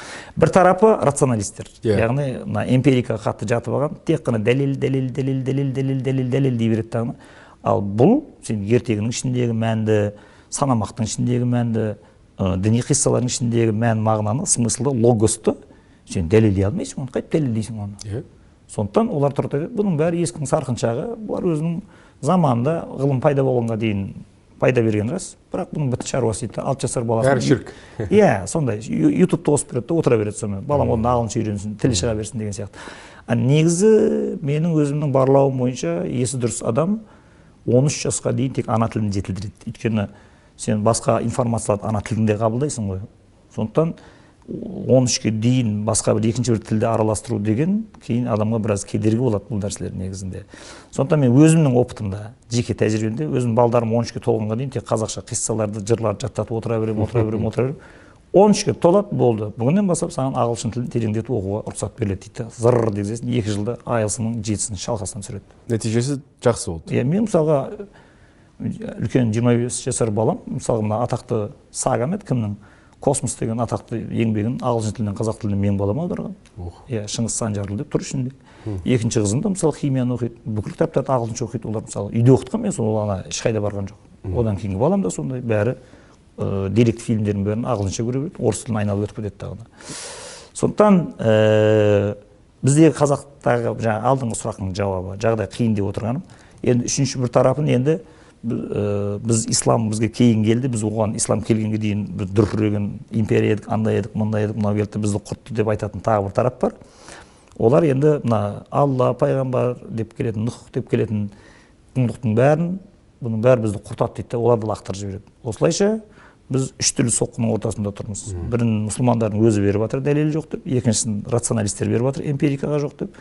Ал үшінші тарап болса біз исламға дейінгі ғана құндылықтарды қолданамыз деп мәлімдеп жатыр. Бірақ білмеймін олардың оны құндылықты қайдан алып жатқандарын және не ұсынатындары маған түсініксіз. Жоқ оның үстіне ә, кеңес дәуірінің әсері әлі де бар ғой. Ресейдің әсері әлі де бар бізге. Иә енді ол ол саяси әңгімеге кірмей отырмын ғой мен енді. Иә оны иә, оны тағы да сәл қазатын болсақ кремльге барайын деп тұрық қой. Туф осы кремльге бара береміз бара береміз әр сұхбатта. Енді иә қайтеміз енді. теріскейде отырып бүйірден таянып жеті мың километр шекарамыз бар. Сондықтан аузымызды байқап ашып ашамыз. Дегендей ғой? Иә. Біз ғана емес тіпті. Бірақ енді бұл жерде қорқатын ештеңе де жоқ енді. Ішкі дүниеңді толтырып жаңағыдай рухтың қайсар, қайсар рух деген не бар? Жаңағыдай упрямство духа дейді. Әрбір қазақтың бойындағы осы қайсар рух күшейе беретін болса аз иә, иә, аз, иә. аз санмен көп санға вызов тастауға болады негізінде беріспеуге. Енді іштей бөлшектеніп енді өзің іштей бөлшектеніп өзің көкірегің қуыс кеуде болып өзің семьяңнан ажырасып өзің үш балаңды тастап кетіп өзің банкке миллиондап қарыз болып өзің казино ойнап отырсаң онда саған енді кремльден көре алмайсың ғой енді. Ол рас. Ә, осы жерде осы сұрай кетейінші. Мына сіздің істеп жатқан жұмысыңыз әсіресе отбасымен жұмыс істеу иә жетілдіру дамыту керемет жұмыс. Бірақ менің байқауымша қазір ә, елімізде негізі ә, тек бізде емес ол ә, бізге ғана қатысты нәрсе емес. Әйел адамдар өте жақын ондай әңгімеге ондай білімге өте құштарлы ер адамдарымызды еркектерімізді қалай тартамыз? Осындай осындай ә, білмеймін ә, философияға осыны ойлауға осыны жетілдіруге осыны өз отбасымызға енгізуге уақыт бөлуге осыған мен енді оны білмеймін. Оның ә, Сіздің практикаңызда қалай деп ә, біз енді қалай деп айтсам екен. Біз мен енді өзімнің кезімде ә, сол ауылдағы кішкентай кезімде қазақы тәрбие алған бірақ ә, мынандай академиялық оқу оқи алмай қалған балдарды жинап алып ә, тоғыз ай өзіміздің үйімізде отыз баланы қамап қойып оқытып спонсор тауып сөйтіп казуге геофакқа шығыстануға сосын түркістандағы пединститутқа түсіріп оқытқанбыз. Қай жылдары бәрі- бұл екі мың екі мың бірінші жылдары сөйтіп екі жыл бұл бұл бөлек тарих оған бір жаңағы Иә. екі үш подкаст арнасаң таусылмайтын әңгімесі бар оның. Содан сөйтеміз ау біз негізі. Иә негізі соған келе жатыр әңгіме. Содан ә, бұл сол кезде біз көргенбіз. Сол кезде мен а деп ойлағанмын егер үкімет мына менің істегенімді макро деңгейде мемлекет деңгейде жасап осындай ана жастық енді еркек балдар мектепте жүргенде сәл ақымақтау болады ғой. Сабаққа қатыспайды сабақтан қашуды бір мәртебе санайды. Ой далада иә ой далада кейіннен барып оқымағанның бәлесін ұрынғанын көріп бармағын шайнаған кезде шығу қоршау бұза алмай қалады. Сондай кезде бір мемлекет өзі бір көмектесіп олардың қайтадан оқып тоқып андай бір бір қандай да бір оқу оқып кетуіне бір мүмкіндік беретін болса иә, иә. Көзі ашылғаннан кейін екі жыл үш жылдан кейін ол жігіттер бір бір қызға күйеу болуға жарайды. Сол кездегі ауылдан келген 25 27 ең үлкен 31-де еді жігіттер. Төрт бес жыл оқып сол кезде енді енді группаға түскен кезінде он жеті он сегіз жасар қыздар енді ана жиырма алтыдағы жиырма жетідегі ауылдан бүгін келген баланы менсінбей отырады да. Ал бес жылда олардың бәрі маман болып енді толысып қала мәдениетін меңгергеннен кейін олар олармен өте жақсы романтикалық қарым қатынасқа түсті дағы бәрі үйленіп бір бір қыздың бағын ашып кетті. Бұл бірақ бұл кезде олардың бір базасы жақсы еді. Олар қазақша тәрбие алған қазақша тәрбиенің үстіне алып келіп мына академиялық білімді қойсаң фундамент мықты болады дағы құламай тұра береді. Олардың фундамент күшейеді. Мына қускеде деген кітапта іргетас деген бір бөлім бар ана фундамент. Фундамент болмаса үстіне қанша сен ағылшын тілін үйрет орыс тілін үйрет ол бәрі құлайды бір күні өмір шайқаған кезде. Себебі өмір шайқалып қалу керек қой енді. Ал енді біз енді осыны істеу үшін мысалы мына бейсен және болмыс деген кітап не үшін жазылды? Себебі мына жігіт шынымен де азамат еді. Еркекпісің еркек еді. Мәрт десең мәрт еді. Өзінің әйелін де қандай қыздай күтіп ұстаған өзі тоқсанға келген әжесін мысалға ә, бақты мысалы өлгенше. Енді бірақ әжесін бір жыл бұрын өзі қайтыс болып кетті ғой енді ауырып қалды да. Бірақ мен сонда үйіне барғанда талай көретін тұғым әжесімен апарып таныстырады. Сонда бұл кісінің келіншегі гүлмира деген әйелін жақсы танимын. Жаңағы жеңгем маған енді әпке болып келеді. Ә, сол кәдімгідей түнімен отырып тоқсандағы кемпірді ұйықтамай отырып жағдайын жасап күтіп отыратын тұғын. Сондықтан ә, сол үшін де бұлардың арасында өте күшті махаббат болды былай ер мен әйел ретінде. Сосын бұның жомарттығы енді кітаптар оқу керек ой мынандай жігіт еді. Сосын бұл жігіттің өзінің бір күшті амбициясы болды. Мен қайрақ деген сондай қозғалыс құрамын. Оның мақсаты біреу әбден мына жігері жаншылып мынандай амбициясы басылып қалған қазақтың жігіттерін бәрін қайрап қайрап қайтадан қоғамдық белсенді қылып бәрін сауатын ашып сосын жаңағыдай уәдеге берік қылып қазақтың қыздарын бағына шатан қыламын мынау не деген сұмдық? ажырасу болмаса жаңағы қыздардың оң жақта отырып қалуы әкесінің деген сияқты мәселені шешемін деп сілкінеді екі мың он үшінші жылы. Сосын айттым оны үйтіп істемейді оны бүйтіп істейді деп мен техникасын көрсетіп менде опыт бар ғой енді бұл маған менің неме иланды. Сөйтті дағы бұл маған қолдан келгенше көмек беріп осы өмірден өткенге дейін көмектесті бұл маған сол бұның өмірі осы қазақтың жігіттеріне бір күшті мысал болсын. Мына бір кәдімгі идеал ретінде бір қызмет етсін деп бұл кітапты бір шығардық. Шынымен де бұл кітапты оқыған жігіттердің бәрі өзі ұялып қалады. Сосын мен бір енді әзілдеп қыздарға айтамын ғой. Бойдақ қыздар алған кезде бір жігіт қырындап сөз салса бірінші бейсен және болмысты оқып осыған еліктеп кел әйтпесе жақындама маған қазір блоктап тастаймын деп қорықтыңдар ана деп аккаунтын. Сөйтіп істегенбіз. Одан бөлек өте дұрыс. отбасындағы ер азамат жаңағыдай бала тәрбиесіне қатыспай қойғаннан кейін қыз әйелдің мойнына жүк түсіп кетті ғой енді. Еркектердің бәрі ақша тапса ақша тапқан міндетсініп жатып алады. Жаңағыдай болмаса ақшаны да таппай қояды тәрбиеге де араласпай қояды. Енді осы проблеманы шешу үшін біз былтыр ә, желтоқсан айында жиырма екінші жылдың биыл қазір бір жыл болады. Отбасында отыз сабақ деген тағы бір жоба жасап шықтық. Бұл қалай жасалды? Ол мына бала тәрбиесіне қатыспайтын осындай ер азаматтарды тәрбиелеп шығаруға ықыласты емес пассив еркектерді мына бала тәрбиесіне тарту үшін тұзақ құрдық. Сол жерде ана өзі бірінші сабақ екінші сабақ осы аптаның тапсырмалары деген. Бірақ ол мектептік сияқты емес. Ол жерде ана былай жасап қойдық әдейіге. Шешесі папасы баласы үшеуі бірге отырып дайындалатын қылып істеп қойған да механизмді әдейі. Сол жерде көкесі мына аңызды қиссаны тақпақты балаңа дауыстап оқып бер деген тапсырма тұрады. Анау дауыстап оқыған кезінде ана қызық өзін тартып алып кету керек ана жерге. Ол да өте сәтті шықты. Енді ол кітапты алғандар үйінде қолданып жатқандар жап жақсы келе жатыр. Бірақ енді кейбіреулер сылтау айтады енді біздің әкеміз бақыда бір ай жүреді жаңағы бұған қатыса алмайды деген сияқты. Ондайлар енді көбіне мектепке берді енді амалдың жоғынан. Сондықтан бұл енді білмеймін енді өте бір қиын мәселе. Бірақ енді одан кейін біз де қайтпадық. Барлық қазақтың ер азаматтарының жүрегіне өзбек әйелінің дерті жұқсын. Бұлар да осындай дертпен ауырсын. Ұйықтай алмай қалсын. Бұны қазақша не дейді? Ер азаматтың ішіне ат басындай шер қатады дейді. Мына нағыз ер азаматтың ішіне ат басындай шер қатқан кезінде ол түнде дөңбекшіп ұйықтай алмау керек. Енді мысалы өлім сәті жақындаған кезінде өзбек әлде мазасызданып кетті дейді да андай тыпыршып жаңағыдай асығып жаңағы вакуфтарды аударып құжаттарды аударып. Бірақ бұны ғылымда екіге бөліп тастайды. Emotional pain existential pain деп айтады. Emotional pain деген босқа кеткен уақыт. Тағы да өмір болғанда жаңағы бүйрегімді yeah. бауырымды ауыстыратын бірдеңе жоқ па балам ау мені израильға апарып салайыншы деп аңырап жылау. Ол emotional pain яғни босқа кеткен өмір ана адамның болмысын сыққан кезінде ол физиологияға әсер етеді өкіну өкіну мына ал енді ол жылап жүр ғой қазір эвтаназия ішемін мен қартайып кеттім деп. Сол emotional painға жатады енді жас кезінде красавчик жаңағы ахохо хохохо жүрген енді мынандай болып қалыпты енді бір қартайғасын қызық бірден құндылығын түсінесің ғой иә содан білінеді.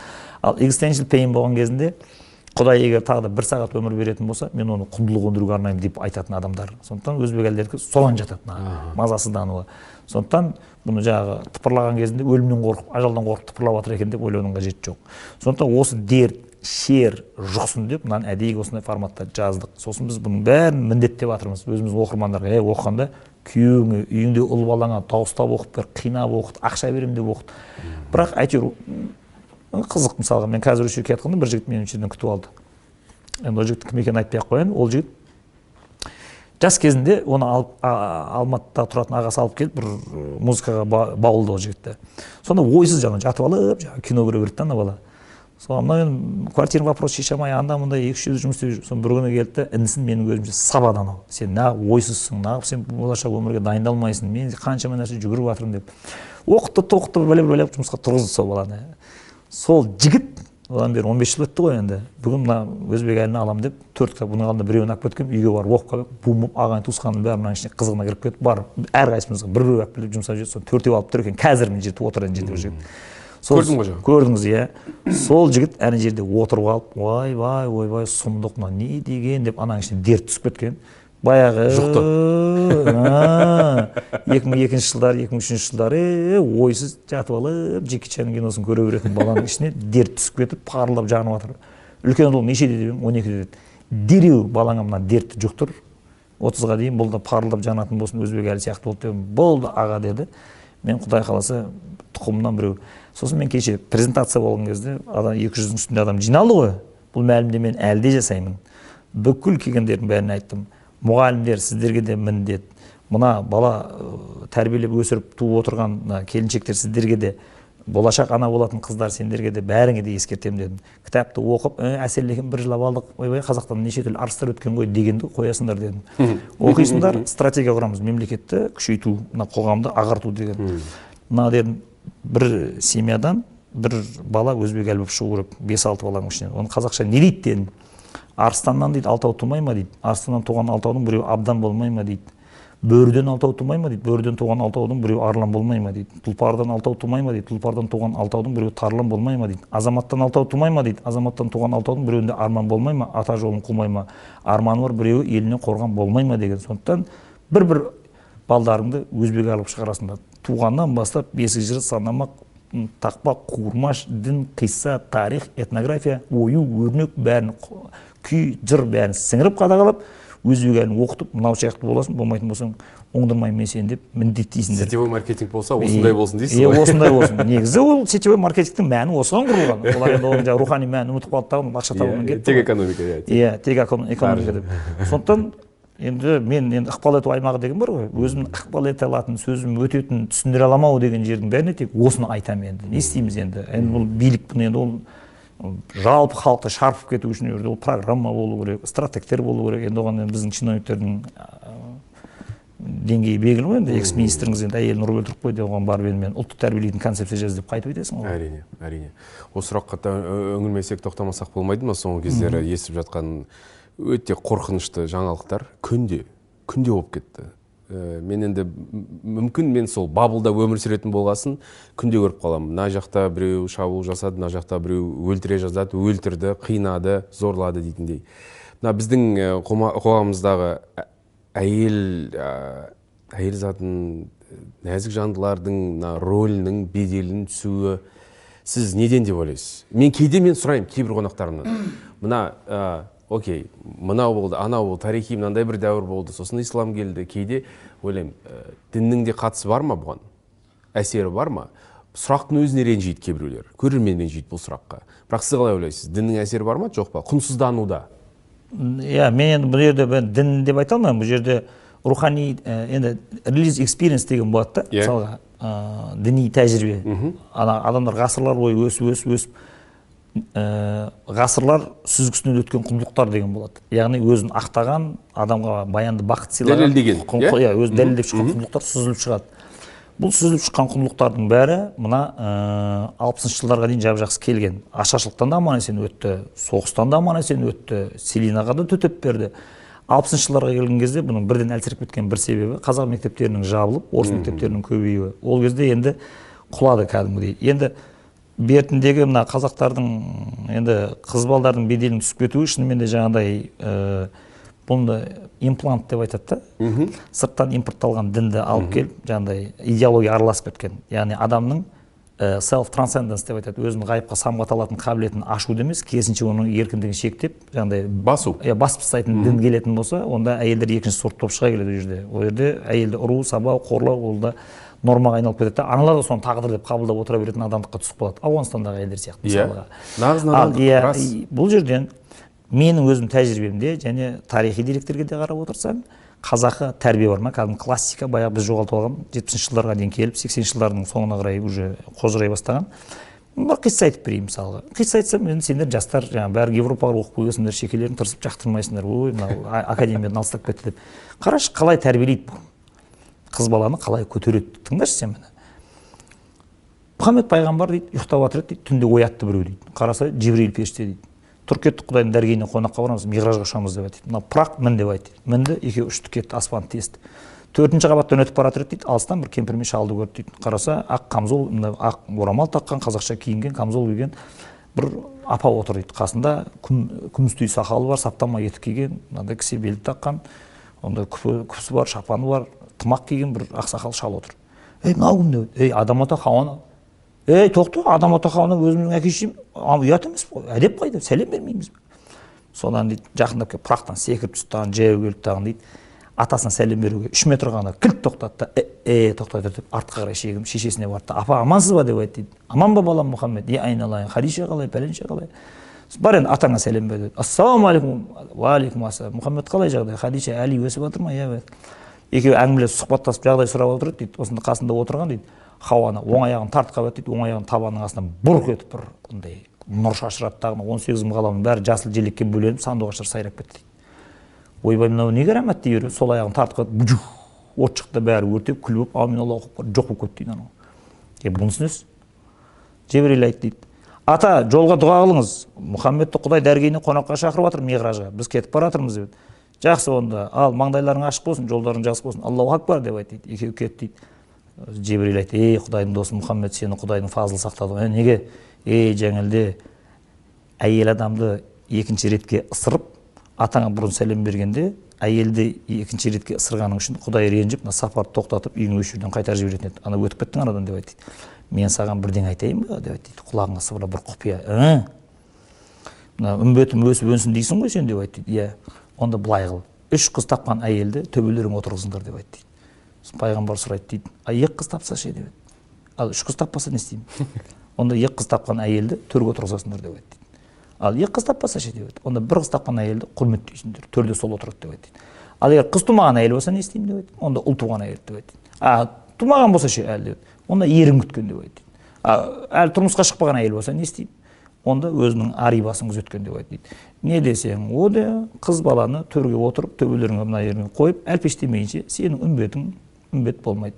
Пайғамбар миғраждан келді жігіттердің бәрін жинады жігіттер бүгіннен бастап өмір сүру ережесі өзгереді. Әйелдерді әлпештеуді қыз балаларды құрметтеуді үйренбейінше сендер ел болмайсыңдар деді бірақ тимуржан бұл айтылып отқан қиссалардың бәрі бүкіл ислам әлеміне тараған екен деп ойлап қалма. Бұл тек қазақтардың құндылығы. Түсінемін. Міне. Түсінемін. О қожа ахмет яссауиден бері келе жатқан бұл әңгіме. Сондықтан осы мен айтып отырған қазақы тәрбиенің бәрі ескіліктің сарқыншағы діни реңі бар. Анау мынау деген қырық сылтаумен адамдар айналымнан шығарып тастады. Қолданбайды тәрбиеде.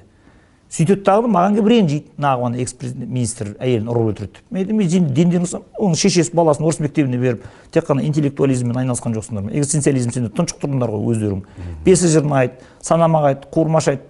Тақпақ айт деген кезде күлдіңдер ғой сендер. Қазір ей жиырма бірінші ғасыр ағылшын тілінің гегемониясы мировой жандарм деп соққан жоқсыңдар ма? Ағылшын тілін білсең бәрін жаңғақтап әлемді қалтама салып аламын деп едіңдер ғой. Жеткен жетістіктерің мынау болды ғой міне сендердің интеллектуализм. Сондықтан біздің ғылымда интеллектуализм мен экзистенциализм жекпе жек деген Иә. болады сол екеуі жекпе жек енді оны бүйтетін болсақ англияға барып лондонға барып ағылшын тілді суда меңгеріп келген интеллектуал қазақ жеңе ма? Жоқ әлде қазақтың жаңағы ескі классикалық әдеп иба тәрбиесін үйленген үйренген адам жеңе ма мейірімді. Балапанды күзде санайды өлім сәті тақаған кезінде қазақша тәрбие алған адам ұтысқа шығады бәрібір. Себебі морган скоттбектің denial of the soul деген атақты кітабы бар монографиясы. Бізге оны оқуды міндеттеген кезінде. О, енді ағылшынша білсең оқисың. Сұмдық мынаның ішінде. Соның ішінде айтады е мына либералдарың мына интеллектуалдарың қанымды ішті менің деп. Е неге десе? Қайтеді. Бәрі американың престижный вузын бітіріп алып ең блатной мамандықтың бәрін меңгеріп алып өкіртіп ақша тауып дүниені шарлап шарлап қаңғып бәрі қуыс кеуде. Өмірдің мәні деген ұқпайды ең соңында келіп енді өлейін десе өле алмайды витаминнің бәрін ішіп ішіп алып денсаулығын мықтылап алған. алпыс үштен кейін көзі катаракта көрмейді буындардың бәрі қақсайды жүре алмайды өлейін десе өле алмайды. Енді маған эвтаназия бер бермеймін мен саған эвтаназия дейді. Не үшін? Сен құдай жарың салды ма? Алсын енді өзі дейді. Сосын швейцарияға кетіп қалады да швейцарияға барып өледі дейді. Сондықтан қазақы тәрбие деген нәрсемен ойнауға болмайды. Бұл ойнайтын күлетін зат емес. Оны түсініп отырмын бірақ менің байқап отырғаным қазақы тәрбиенің өзін де жоғалтып алдық қой ондай болса. Иә енді алмай отыр ғой қазақтардың өздері балдарын назарбаев мектебіне беремін деп азаннан кешке дейін күніге жүз елу есептен шығарып отыр қайда береді? қайда үйінде тәрбиелейді міне шешесі айтады соны құлағына. Бесік жырын айтсын менің балам осы ма басында бақыт құсы ма ғайып ерен қырық шілтен бөбегімнің досы ма менің балам жүсіптей болар ма екен келбетті ажарың айдай толсын деп иллалла деп тербеттік ла илаха иллалла иллаллада пайда бар мұхаммедтің үмбеті осындай бөбек қайда бар деп отырсын. Сонда бейшенбаев шықпайды. Болды ол өте элементарный қарапайым нәрсе бұлар. Бірақ істемейді. Бұның бәрі сенімге келіп тіреледі синтезизм деген сондай бәле ғылымға табына береді адамдар. Прогресс деген сол жақта деп ойлайды.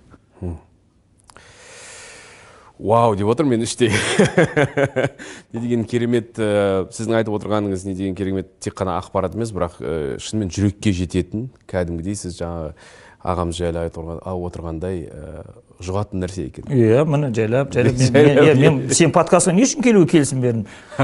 Мен миллион журналист шақырып жатырмын мысалға.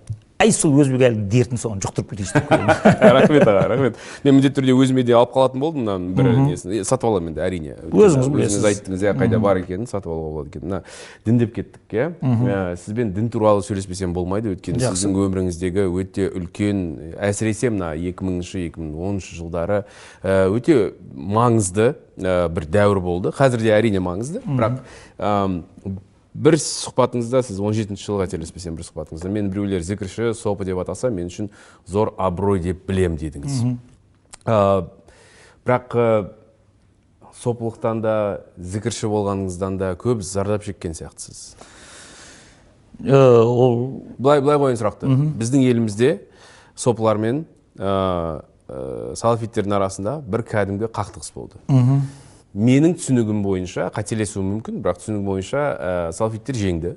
Иә иә. Медиада да жеңді саясатта да жеңді. Тіпті бір кездері қазақстан арнасында ә, армысыздар кеш жарық саламатсыз ба дегенді естімей кеттік. Тек қана ассалаумағалейкум болып кетті тек қана ассалаумағалейкум. Ол кезде ә, кейбір енді белгілі адамдар басқарып жүрген кездері иә сондай болып кетті. Шынымен сіз де солай ойлайсыз ба? Жеңді ма?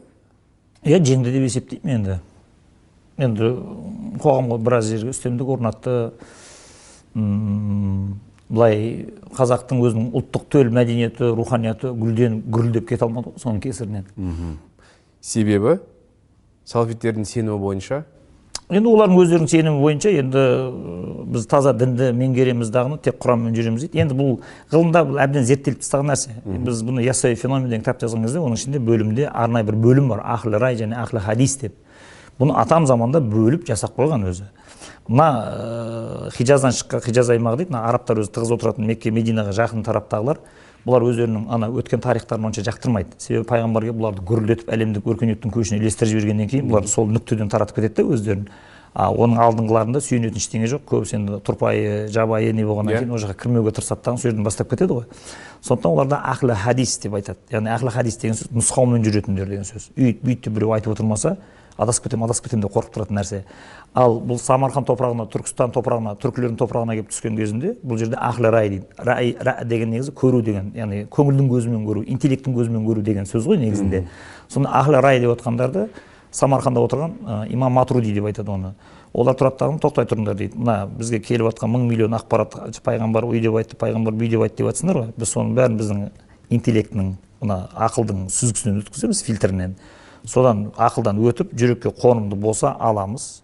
Ал өтпейтін болса I'm sorry біз ала алмаймыз бұны. Оны өздеріңе қайтарып береміз.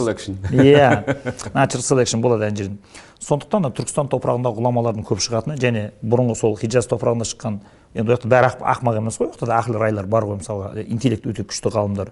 Олар қысымға ұшырайды дағыны ей сен өз бетіңше үйтпе ақылға үстемдік берме адасып кетесің сен жаңағы аристотельдер сияқты болып қаласың жаңағы деген сияқты. Қысымға түседі да тек хадисте айтты ма бұлжытпай орында сен оған сұрақ қоятын болсаң күмәнға түсесің деп оның ішінде неше түрлі хадистерді қолдан шығара береді ғой енді ол аят емес қой мысалы құранның аяты негізі анализге қарсы. Иә анализге қарсы. Сондықтан бұл біздің топыраққа келген кезінде бізді жалпы ғалымдардың енді мен соңына түсіп салынып зерттеген салам емес бірақ ғалымдармен сөйлесіп көп тыңдадым осыны. Сонда айтады түркістан топырағындағы жалпы мына қазақтардың бұрын қатты интеллектуал болған себебі әхлі рай әхлі хадис екеуін қатар ұстап кете береді дейді. Яғни айтқан нақылы қонымды болса а дұрыс мына жақсы нәрсе айтып отыр дейді да оны ала береді мысалға. Қандай деп айтса болады? Мысалға аш құрсақ жүрсең көкірегіңнің көзін ашуға оңай болады деген сияқты нәрсе иә дұрыс айтып отыр мысалға. Ақыл мен құлшылықты бір сағат қылатын болсаң алпыс жыл ораза ұстағанмен алпыс жыл құлшылық қылғанмен тең болады деп айтса онда оны ала береді мысалға. Тіпті сондай аят болмаса да дұрыс айтып отыр деген сияқты. Ал енді жаңағыдай және практикалық тұрғыда зерттейді иә өздері көреді. Иә көреді. Оның практикалық жағы деген бөлек әңгіме ол содан бөлек қалай деп айтсам екен жаңағы әйелдерді балдардың құқығын таптап тастайтын жаңағыдай бір өте қауіпті қоғамның дамуын тежейтін хадистер алып келсе айтады кешіріп қоярсыз мынауыңыз біздің көңіліміз ақылымыз қабылдап тұрған жоқ. Және бұны аятпен де бекіте алмайсыздар сіздер дейді да қайтарып береді. Сондықтан бұл жерде жаңағы салафизм неғып өтіп кетті деген кезінде бұл жерде бір бір нәрсені ескеру керек. Мына жалпы ең ауыр жұмыс ол ойлану.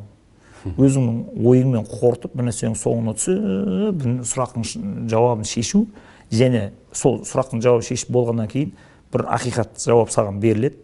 Бірақ ол жауапты тапқаннан сен өкініп қаласың. Не, не үшін? Себебі ол статус квоны құртады. Иә. Сенің әбден дағдыланып қалған қалыптасып қалған бұрынғы ескі өміріңнің бәріне ол қайшы болып тұрады. Сосын сен бұрынғы надан ескі өміріңнің бәрін талқандап ана өркениетке қарай жалғайтын жаңа жолға түсуің керек болады. Ал кімге ұнайды ол? Ұнамайды. Сөйтіп тұрған өзгеріс ешкімге ұнамайды. Иә өзгеріс ешкімге ұнамайды. Сол кезде біреу келеді дағыны мәңгі өміріңнің мәселесін шешіп берейін ба өлгеннен кейін жұмаққа кіргізіп берейін ба сені дейді. Иә мына мына мына мына правиланы бұзбай орындасаң болды десең кете береді. Бұл тек бізге ғана тән емес түсінемін. Бұл европа түсіп қалған бұған. Иә. Мысалға экзистенциализмде ыыы талдайды. Неғып гитлердің артынан көп адам еріп кетті дейді. Иә. Себебі ана адамдар бұрынғы өзінің рухани фундаментінен айырылып ғылымға сенеміз деп көкіректері қуыс болып қалғаннан кейін позиция таңдау деген өте қиын. Әркім өзінің өмірінде ақиқат үшін күресу керек болып қалды ғой мысалға. Шындық позициясында тұру керек. Гитлер келеді дағыны бәрінің орнына мен өзім жауап беремін уайымдамаңдар десе ана жауапкершілік езіп тұр ғой адамды. Ой жақсы болды мына біздің орнымызға жауап беретін адам табылды дейді да. Жауапкершіліктің бәрін гитлерге лақтырып жібереді да. Соны ана нацистік партиясына кіріп кете береді ана жерден. Санаулы ақ адам қалады соңғы тобыр болып кеткендердің бәрін айландырған төрт бес жылдың ішінде бәрін жындап жіберді анау гитлер. Сондықтан біздің заманымызда да ойлану деген өте қиын өте ауыр жұмыс. Ол үшін сен терең ойлану үшін сен өзің ойлап қарашы сен тамақты тойып жемеуің керек ет тамақты сәл тежеп жеуің керек бөтен әйелдермен қоян қолтық араласудан сақтанып тұруың керексің. Бос сөз бос әңгіме бос күлкі бұралқы сөз ана, анекдот бәрінен тыйылып тұрасың. Себебі оның бәрі адамның ойлану қабілетін тежейді. Сосын саған көрінген жерден тамақ жеме деп айтады. Көбіне шөп шалам балық же деп айтады егер жейтін болсаң. Ал енді ол жерге келгеннен кейін елдің бәрі ол правиланың бәрімен жүру деген өте қиын мысалға сосын сондай бұл ойланудың жұмысы осындай болғаннан кейін айтады е ойланып қажеті жоқ адасып кетесің мен саған осындай түсінікті өте жеңіл негізі жеңіл логикаға ақылға сиятын бір әдіс беремін. Дегесін біздің халыққа өтетін себебі де сол иә енді бір шетінен қарап тұрсаң мысалға бүйтіп контраргумент айтуға болады. Е оларды сен неменеге жамандап отырсың оның ішінде мынандай жақсы адамдар бар ешкімге зияны жоқ ешкімге не қылмайды жап жақсы адамдарды білемін дейді. Бұған логотерапия оңдырмай соққы береді. Біріншіден ар ұяты жеткіліксіз өзінің ар ұятына сенімсіз сөйлесе бірдеңені бүлдіретін бір арсыз тірлікке араласып кетпейтініне өзіне өзі гарантия бере алмайтын адамдар діннен қорғанады. Яғни елді алдау үшін жаңағы діннің оны фарисейство деп айтады. Фарисейство иә фарисейство дейді. Фарисей типі. Ал енді мына ә, дінді ұстанып шынымен де жап жақсы адам болып соны жүре беретін жаңағы қажылыққа барып келіп қажы атанып жаңағы ораза ұстап алып жаңағыдай бір қайырымдылық бірдеңелерді жасап қойып оны жұртқа көрсетіп жаңағыдай мобилограф шақырып оны жұртқа жариялап отыратындарды оны не дейді? Морально снотворный дейді оны. Яғни ар ұяттан ұйықтататын дәрі жасауға болмайды дейді. Моральдан ұйықтататын дәрі жасауға болмайды дейді. Енді себебі адамның ар ұяты адамдарға мүмкіндікті жіберме мүмкіндікті жіберме деп тұрады. Себебі мына әлем тіршілік ол мүмкіндіктер әлемі. Яғни бар болып көрінетін мүмкіндіктер енді оны courage to be деп айтады. Бар болуға деген қайсарлық бар болу үшін батырлық керек деген. Ал енді сен оған не күреспейсің ба мына қазақ тілі үшін? Е сен күреспейсің ба мына қазақтың өнері үшін? Е сен күреспейсің ба мына ұлттық саясат үшін? Е сен күреспейсің ба егемендік үшін сен? Айналайын. Мен бес уақыт намазымды үзбеймін. Айналайын. Иә, мен иә, қажылыққа иә. бес рет барып келген адаммын. Айналайын. Мен сәждеде жатқан адаммын. Сылтау бар. Миллион нәрсемен өзің Иә. жақсы адам екенін саған бес минутта дәлелдейді. Ол деген не деген сөз? Өзінің ішіндегі буырқанып жатқан ар ұяты көтеріліп «Ей, өстіп жүре бересің ба? Ана мүмкіндік жібермей жарып шықсайшы десе тише отыр дейді да тарс еткізіп бір құлшылық тастап жіберсе тырс етіп ана ұйықтап қалады. контраргумент иә сондықтан бұны логотерапия бытшысын шығарып талқандайды дағыны адамның ең биік дәрежесі қай жерде көрінеді дегенде селф трансценденс дейді. Яғни бір маңызды бір іске жұтылған кезіңде өзіңді ұмытып кетуің керексің. Болды оп оңай сондықтан қазақстанда осы діннен өзінің ар ұятын ұйықтатып тастайтын дәрі жасап алады. Бұл сондықтан мына ә, дінді ұстаған кезде оны жаңағыдай моральный снотворный ретінде қолдануға болмайды. Ол мына киркегардтардың да айтатын себебі сол ғой жаңағы ей құлшылық ғибадат дейді. Құдайды таңғалдыру үшін жасалмайды дейді. Адамның болмысын өзгертіп жіберу үшін жасалады дейді. Және де олардың айтатындары сенің жүрегің әр кезде тірі болу керек жанды болу керек соғып тұру керек. Енді енді ол оның жүрегі соғып тұр ма соғып тұрған жоқ па оны дәлелдеу үшін ол мына өзбек әлі сияқты мәдени майданда Иә, көріну иә, керек иә, иә. сондықтан мен біреу айтса менің жүрегімде иман бар менің жүрегім тірі соғып тұр десе нәтиже?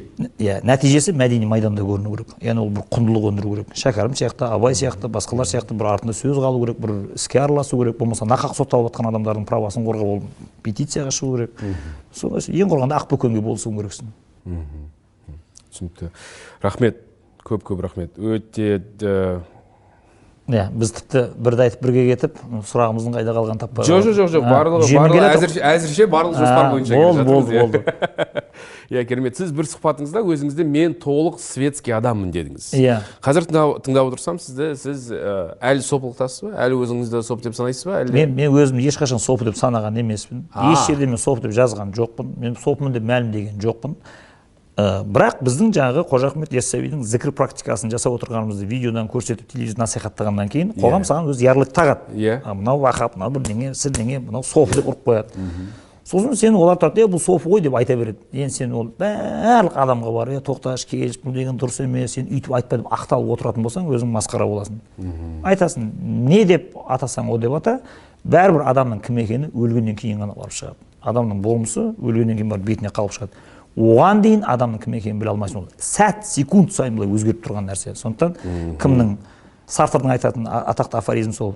Existence precedes essence деп айтады. Адамның эссенциясы жоқ алдында экзистенциясы жүреді. Өледі эссенциясы бетіне қалып шығады. Сондықтан мен өлмейінше маған ешкім ештеңе деп айта алмайды. Негізінде. Оның бәрі әшейін бір қоғамдағы бір піш піш піш піш әңгіме. Маңызы жоқ. Өзіңізден өстіп отырғанда сұрасам өзіңізді қалай ә, сипаттайсыз? Бүгін енді, енді дінге келсек иә діни адам деп айту үшін бір орта ғасырдағыдай сенің бір медресең болса бір құлшылық ғибадат жасайтын сарайың болса алдында сенің бір мүриттерің отырса сен күні құрандағыдай азанда сағат төртте үште тұрып алып сахарда тұрып зікір салып отырсаң сосын жаңағы құлшылық ғибадатыңды қылсаң кешке шәкірттермен рухани сұхбат қылсаң кешке күн батардан алдын бір сағат тағы да ойбайлатып зікір салсаң онда айтуға болады ә мына адам сопылық ұстанып отыр деп. Біз үйіміздің бетін көрмейміз ғой осы. Офистің ішінде түнеп жатырмыз қазір. Азаннан кешке дейін деректерді жина деректерді жина. Тарс тарс тарс тарс мен зікір салады деп айтады да мысалға. Е ол зікір салу деген роскошь ол мүмкіндігің болса жер үй болса уақытың болса сен сол кешке қонаққа шақырып алып кетіп сен өлгенше тыңқитып ет бермесе сол кезде сен оны ә, жаңағы не қыласың? Жейсің ә, саласың ол зікірді. Ал былай өте қиын. Мысалға мен кеше зорға дегенде уақыт тауып мына сенің неңе келетін кезінде кішкене былай бір ойымыз жинақы жүрегіміз тыңғылықты болсын деп бір сағат жария зікір айтып келдім мен мысалға. Әрең дегенде. Иә, арасынан уақыт тауып үйтпей үйтпейтін болсам себебі біз ақпараттық ғасырда отырмыз көрдің ба? Біз ақпараттық семіздік жаңағы информационное ожирение дейді. Адам ютубты бірдеңе ашып қойсаң гу рилстар Иә, сені иә. миың толтырып жібереді. Қаласаң да қаламасаң да ал ақпарат түседі. Сұхбатқа дайындаламын десем өте қиын. Иә. компьютерді аштың ба браузерді аштың ба болды кеттің. Ал- мына жаққа ілінесің ана жаққа ілінесің иә сол сияқты мені міне қазір кеше дулат тастекеевке интервью бердім ба? Бүгін сенімен сұхбаттасып отырмын ба? Ертең сағат тоғыз жарымда нәрікбиге тағы сөйлеуім керек бір жарым сағат. Иә кезекте тұр адам. Одан кейін ана дөп сөзім бар тағы тұр. Бәрі кезекке тұрып алған. Оның бәріне мен барып сөйлеп осылай бір ә, былай сөзіміз ойымыз жүйелі шығу үшін мен не істеуім керек? Мына ішімдегі миыма қоғамның тарапынан сырттан сығып мен миыма кірген артық ақпараттың бәрін зікірмен шығарып тастауым керек. Ла иляха илля деп отыруым керек. Жақсы сонда деколонизация жайлы мен сұрамай ақ қояйын. Дөп сөздің жігіттері міндетті Иә, түрде олар сізден сұрайын. сұрасын. жігіттер сіздерге. Бұл бұл тапсырма бұл тақырып. Мен өтіп кете салайын. Бірақ мына жаңағы ә, сопылықты айтып кеттік. Ә, 2011 жыл ғой иә қателеспесем болған өте үлкен іс қылмыстық іс ә, исматулла тақсыр. Иә және де ә, саят ибраев жадыра сүлейменова ол кезде төрт айлық қана баласы бар қолында соған қарамастан ә, қамауға алынды сотталып кетті барлығы. Ә, негізі қудаланды. Айт, айтайын деп отырғаным сол ғой. Иә. сопылар қудаланды. Өзімді сопы деп айтпаймын дедіңіз ешқашан айт, айтқан емеспін. Бірақ бұл кісілерді танисыз? Иә танимын жақсы аралас араласып сол кезде араласып жүрдім ғой мен. Иә. Қалайша бұлар сотталды қамалды сіз танысаңыз да аралассаңыз да құтылып кеттіңіз. Бұл қалай болды? Ол құтылып кеткенде ол ол құтылып кеткенде ол сен әшейін тек зікірші болғаның үшін сені ұстап алып бытырлап соттай бермейді ғой ол жерде. Ол жерде ә, іс қозғау үшін бір жәбірленуші сенің үстінен арыз жазу керек. Иә. сол арыздың негізінде ұстайды. А ол арызды кім жазады? Ешкім жазбайды. А ол арызды бұл кісілер жаңағы ана подвалда жүз екі жүз ба жүз елу ма наркомандар ұстап отырған жоқ па ол наркомандардың бәрінің әке шешесі шишкалар олар келеді да айтады мына бала енді әкесі өкіртіп жаңағы ұрлаған ақшасын ана баласының аузына қалтасына апарып салады аппараттан ана барып наркотик ұрады енді. Сосын барып аналар қамайды ұстап отырған. Енді ол жер заңсыз за- заңсыз. Бірақ аналар ойбай өзіміз жаңағы қатырамыз дейді ғой енді. Сөйтіп екеуінің арасында келісім болып отырған кезде оны арады да аналардың шығарып алады дағыны ал арыз жазыңдар деген жиырма алты ма адам мені қамады ұрды Иә, иә, соқты деген олар арыз жазған. Енді аш ұстады Иә, біреулер үйлендірді деді иә сондай енді жаза береді ғой шыққаннан кейін енді ана қамаудан шыққаннан кейін не жаз десең жаза береді ол жерде жазбағандары да бар мысалға. Әке шешесі жаздырмай қойғандары да бар. Сол сияқты сондай бір ерегіс ырың жырың болған ол жерде. Сондықтан сол арызда ана наркомандар кімнің атын атап түсін түстейді соны барады да сіздің үстінен арыз түсті деп ұстап алады ана жерден ай мен енді ол наркомандарға қатысым жоқ қой мен ол кезде айдалада жүрген адаммын ғой. Телевидение жүрдім мен ол уақытта мысалға. Ол ана жақта басқа жақта болып жатқан оқиғалар. А енді мен ол кезде не? Аптасына бір рет екі рет келіңдер мына жерде сұхбат болады ә, зікір болады дейді. Мен барамын дағы зікірлеріне қатысамын да әңгімелерін тыңдап отырып отырып кетіп қаламын. Болды оның ана шаруасына менің қатысым жоқ мен ол жерден барынша жаңағыдай құнарлы құнды әңгімелер үйренуге барынша даналық меңгеріп қалуға бір жақсы өсиет тыңдап қалуға бар өнерімізді салдық енді сол кезде. Енді сол жемісін жеп отырмыз міне. Түрмеден шыққаннан кейін исматулла ә, тақсырмен кездестіңіз ба? Так бұл ы, мынандай мәселе болсын. Ә, қоғам білуі тиісті ақпараттар бар және қоғам білмеуі тиісті ақпараттар бар. Ә, себебі ә, қоғам талқылауға тиіс негізгі ақпараттарды беріп соны негізгі мәселе мына жерде тұр мынаны талқылайық келіңдер демейтін болсаң осындай жаңағы тек маған ғана қатысты маған Иә. ғана қызық ақпараттарды шығара беретін болсаң соны талқылап соны шұқылайды дағыны басқа жаққа кетіп қалады. Сондықтан бұл ақпараттарды өзіңе құлағыңа сыбырлап айтамын жақсы. иә а ол жұртқа түкке де керегі жоқ. Мысалға бізді қазақстан бір түкпірінде тыңдап отырған біреуге ол бәрібір де мен жолықтым ба жолықпадым ба айналайын көкіректе қуыс толтыратын әңгімеңді айтшы дейді болды. Керемет керемет. Қабылдаймын жауабыңызды рахмет.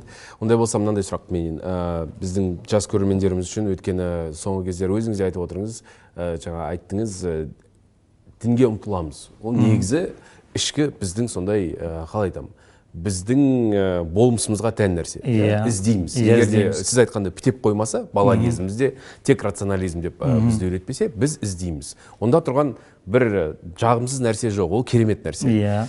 Бірақ ә, соңғы кездері негізі бізде де әлемде де теріс ағымдар өте көп. Қалай ажыратамыз? Осы жас құдайды іздеп жүрген алланы іздеп жүрген жас жігіттеріміз жас қыздарымыз қалай түсінеді? Мынау теріс ағым мынау мынау дұрыс ағым деп. Енді егер мұсылманшылықта болатын болса ол енді оқып жатқан кезінде бұл мынандай бір нәрсені ескеру керек бұл жерде. Мысалы құранда анық жазылып тұр да мен ұлт пен ұлысты бір біріне ұқсамайтын қылып бір бірін танысын деп ерекшелікпен жаратып қойғанмын дейді. Болды бітті осы бір аят саған жетеді. Яғни сенің мына ұлттық идентификацияң тіліңдегі даусыңдағы ұлттық музыкаңдағы Түріндегі. иә, түріндегі екпіндегі киім кию үрдісіңдегі әдет ғұрыптарыңдағы заттардың бәрі ол құдайдан келген тағдыр деп есептеу керек негізінде. Иә. Егер мынау цитата. Иә бұл, бұл көрінбейтін болса онда ол да өте қауіпті нәрсе. Онда сен құдайдың әміріне қарсы шыққан болып шығасың. Егер өзіңнің жаңағыдай мәдени идентификацияң бәрін жойып жойып жойып жойып жойып екінші бір ұлтқа жұтыламын деп жұтылып та бітпейсің ол ол ортада не ары емес не бері емес гибрид болып тұрып қалады негізінде. Сондықтан ә, мына дінге қызыққан адам өзінше жаңағы мен құран оқимын анау мынау шыққан кезінде бір нәрсені байқасын. Егер ол өзінің ұлттық мәдениетінен ұлттық салт дәстүрінен ұлттық әдебиетінен алшақтап әкетіп бара жатса ана үйреніп жатқан білім жайлап оны онда ол ол адам өзінің адасқанын білу керек. Ә болды бітті шаруа мен уже манипуляцияға түсіп қалдым деп. Себебі бұл ұлттық жаңағы мысалға бір нәрсе айтайыншы. Осы бір біріне ұқсамасын ә, бір бірін танысын деп әртүрлі қылып жаратқан деген түсінбедім мен дедім да жаңағы тақсырға соны жаңағы исматла тақсыр айтады. Ей шанжархан соны да білмейсің ба деп қояды. «Ә, қарашы мына жерде 15 адам отырмыз дейді да иә. Қарашы бір бірімізбен қалай сұхбаттасып бір бірімізді танып отырмыз дейді да. Ненің арқасы білесің ба дейді? Бір бірімізге ұқсамайтындығының арқасында танып отырмыз дейді. Мына отырған жиырма адамның бәрін осы тимурдың бейнесінде жаратып қойса дейді да. Мынау тимур ма анау тимур ма анау тимур ма қайсысын білеміз? Тимур деп кімге қарап сөйлейміз біз дейді да. Қарап е тимурға түріне қарап таныдым киіміне қарап е жүрісін де танып қоямыз. Е мынау тимурдың жүрісі ғой әлі дейді дауысынан қарап таниды е тимурдың дауысы ғой мынау деп айтасың дейді. Сол сияқты бір бірімізді танып қоян қолтық араласқан кезде осы ұлттық ерекшелік деген ол құдайдың жаратып қойған нығмет деп айтады. Жалған дін осы сенің ұлттық ерекшеліктерің бәрін талқандап жүреді. Жоюға тырысады. Иә жоюға тырысады. Адамдар есімдерін өзгертеді мысалға. Иә. сондықтан бізге Иә. қазір қазір келіп жатқан нәрселердің мен мысалы қанша рет айтамын әп әжептәуір қазақша есімдерінің бәрін бұзып қиратып расмина ясмина альбина алина айнара деп осындай бәрін орыс ол жаңағы мәдениеттен жеңілген психологиялық тұрғыдан жеңілген бәрін ана женский родқа подгон жасаған аттарының бәрін. бұрынғы әдемі көркем сақып жамал жәмила деген сияқты жаңағыдай ә, зәуре деген сияқты аттарды уже қоймай соған қарай кетіп бара жатыр енді бүйтіп кете беретін болса енді бір жиырма жылдан кейін мынау не араб емес не қазақ емес бір түсініксіз Иә. баяғы ана назарбаевтың қазақстанец деген ұлт жасаймын деген сияқты соның тағы бір түрі шығады енді ана жерде. Бұл бір бір. Екіншісі мына ә, жаңағы франклдардың кімдердің ә, юнгтардың арасында айтыс тартыс болып жатқан ғой кезінде. Е мына өзі вообще адамның жаратылғандағы адам болып жаратылу хикметіне ең үлкен мұрат енді. Ultimate meaning деп айтады бұны. Енді өмірдің мұраты деп аламыз біз бұны. Сол өмірдің мұраты деп алған кезінде мысалға юнгтың сәл қателескен жері self actualization дейді. Яғни адам өзін актуализация жасау үшін. Бұны енді қазіргілер жақсы көреді. «Да, активизируйся деп жүреді ғой жаңағыдай сөйтіп иә. соған келеді дағыны франкл айтады жоқ олай болмайды дейді. Self transcendence дейді. Адам өзін өзі ғайыпқа самғата алатын өзі тылсымға ене алатын күші бар оның сол потолокты соны ұстау керек деп айтады негізінде. Ал егер сен бір дінді ұстап ол сені жаңағыдай бір үлкен мәні мағынасы қою бір қоғам үшін адамзат үшін өте маңызды бір іске есіл дертің сол болып жұтылып кетуге сені үндемейтін болса онда айтады кешіріп қоярсыз сіздің мына дініңіз сізді ешқайда да апармайды ол уже тупикке кетіп бара жатырсыз деп ескертеді. Сондықтан да мына не үшін шәкәрімдер шыққан кезінде осы үлкен нені алады? Соларда бәрі айтады ей мына діндегі ә, мақсат адамның көкірек көзін ашып мына ғайыптан келетін сәулені жүректеріңе сіңіріп сосын тілден шығарып айналаның бәрін жарықтандыру деп айтады. Егер айналаның бәрін жарықтандырып осындай надандықтың бәрін талқандамайтын болсаңдар онда сіздің дініңіз кешіріп қоярсыз. Бұл сізге бұл дүниеде о дүниеде ешқандай пайда бермейді деп айтады. Жаңағы ғой жаңағы кімнің керкегардтың айтып отқаны ей құлшылық ғибадат құдайды таңғалдыру үшін жасалмайды адамның болмысын селф трансценденс сені ғайыпқа ату үшін жасалады дейді. Сондықтан ол қажылыққа бару да ол жаңағы ұйықтататын дәрі жасап алады дағыны екі рет барады біреу тіпті жүз рет қажылыққа барып келіп жүз рет қажылыққа барған тойлап жұртты шақырып кәдімгі той жасады мысалға. Соның бәрі біздің көңілімізді алаңдатады. Әй мынау басқа нәрсе ау деп. Сондықтан ә, хақ дінге келді деген кезінде тағы бір нәрсе бар. Ол ә, мына ә, құдайдың мұғжизасын дейді енді айналасынан көріп тұру дейді жаңағыдай кез келген сәтте құдайдың құдіретін көріп тұру бірақ біздің адамдар ғылымға қатты сіңіп кеткені соншама өзінің тұла бойынан айналасынан ешқандай да құдірет көрмейтін болып кеткен қазір. Әйтпесе осы отырған отырыстың өзі екеуміздің бір бірімізді көзімізбен осыншама рең түстің бәрін ажыратып бір бірімізді танып әсерлесіп отырғанымыздың өзі негізі бір құдайдың мұғжизасы негізінде. Екеуміз екі ұяңда туып екеуміз екі жақтан келіп бір түнде бір өмір бақи бірге туып өскен адам ұқсап әңгімеміз жарасып соғып отырмыз. Қалай мысалы осының бәрі уже монантропизм дейді адамның бірлікке қарай ұмтылуы. Енді бұдан бөлек тағы бір нәрсесі бар. Енді бұны морган скоттбек жасайды. Енді different ram деген кітабы бар соның ішінде жасайды. Мына хақ дінді нені қалай айырамын деп жатыр ғой жаңағы сұрағыңыздан шығып жатыр. Иә. ол ы, нағыз үмбеттік дейді да нағыз діни жамағат құрылған кезде ол жерде инклюсив болады дейді.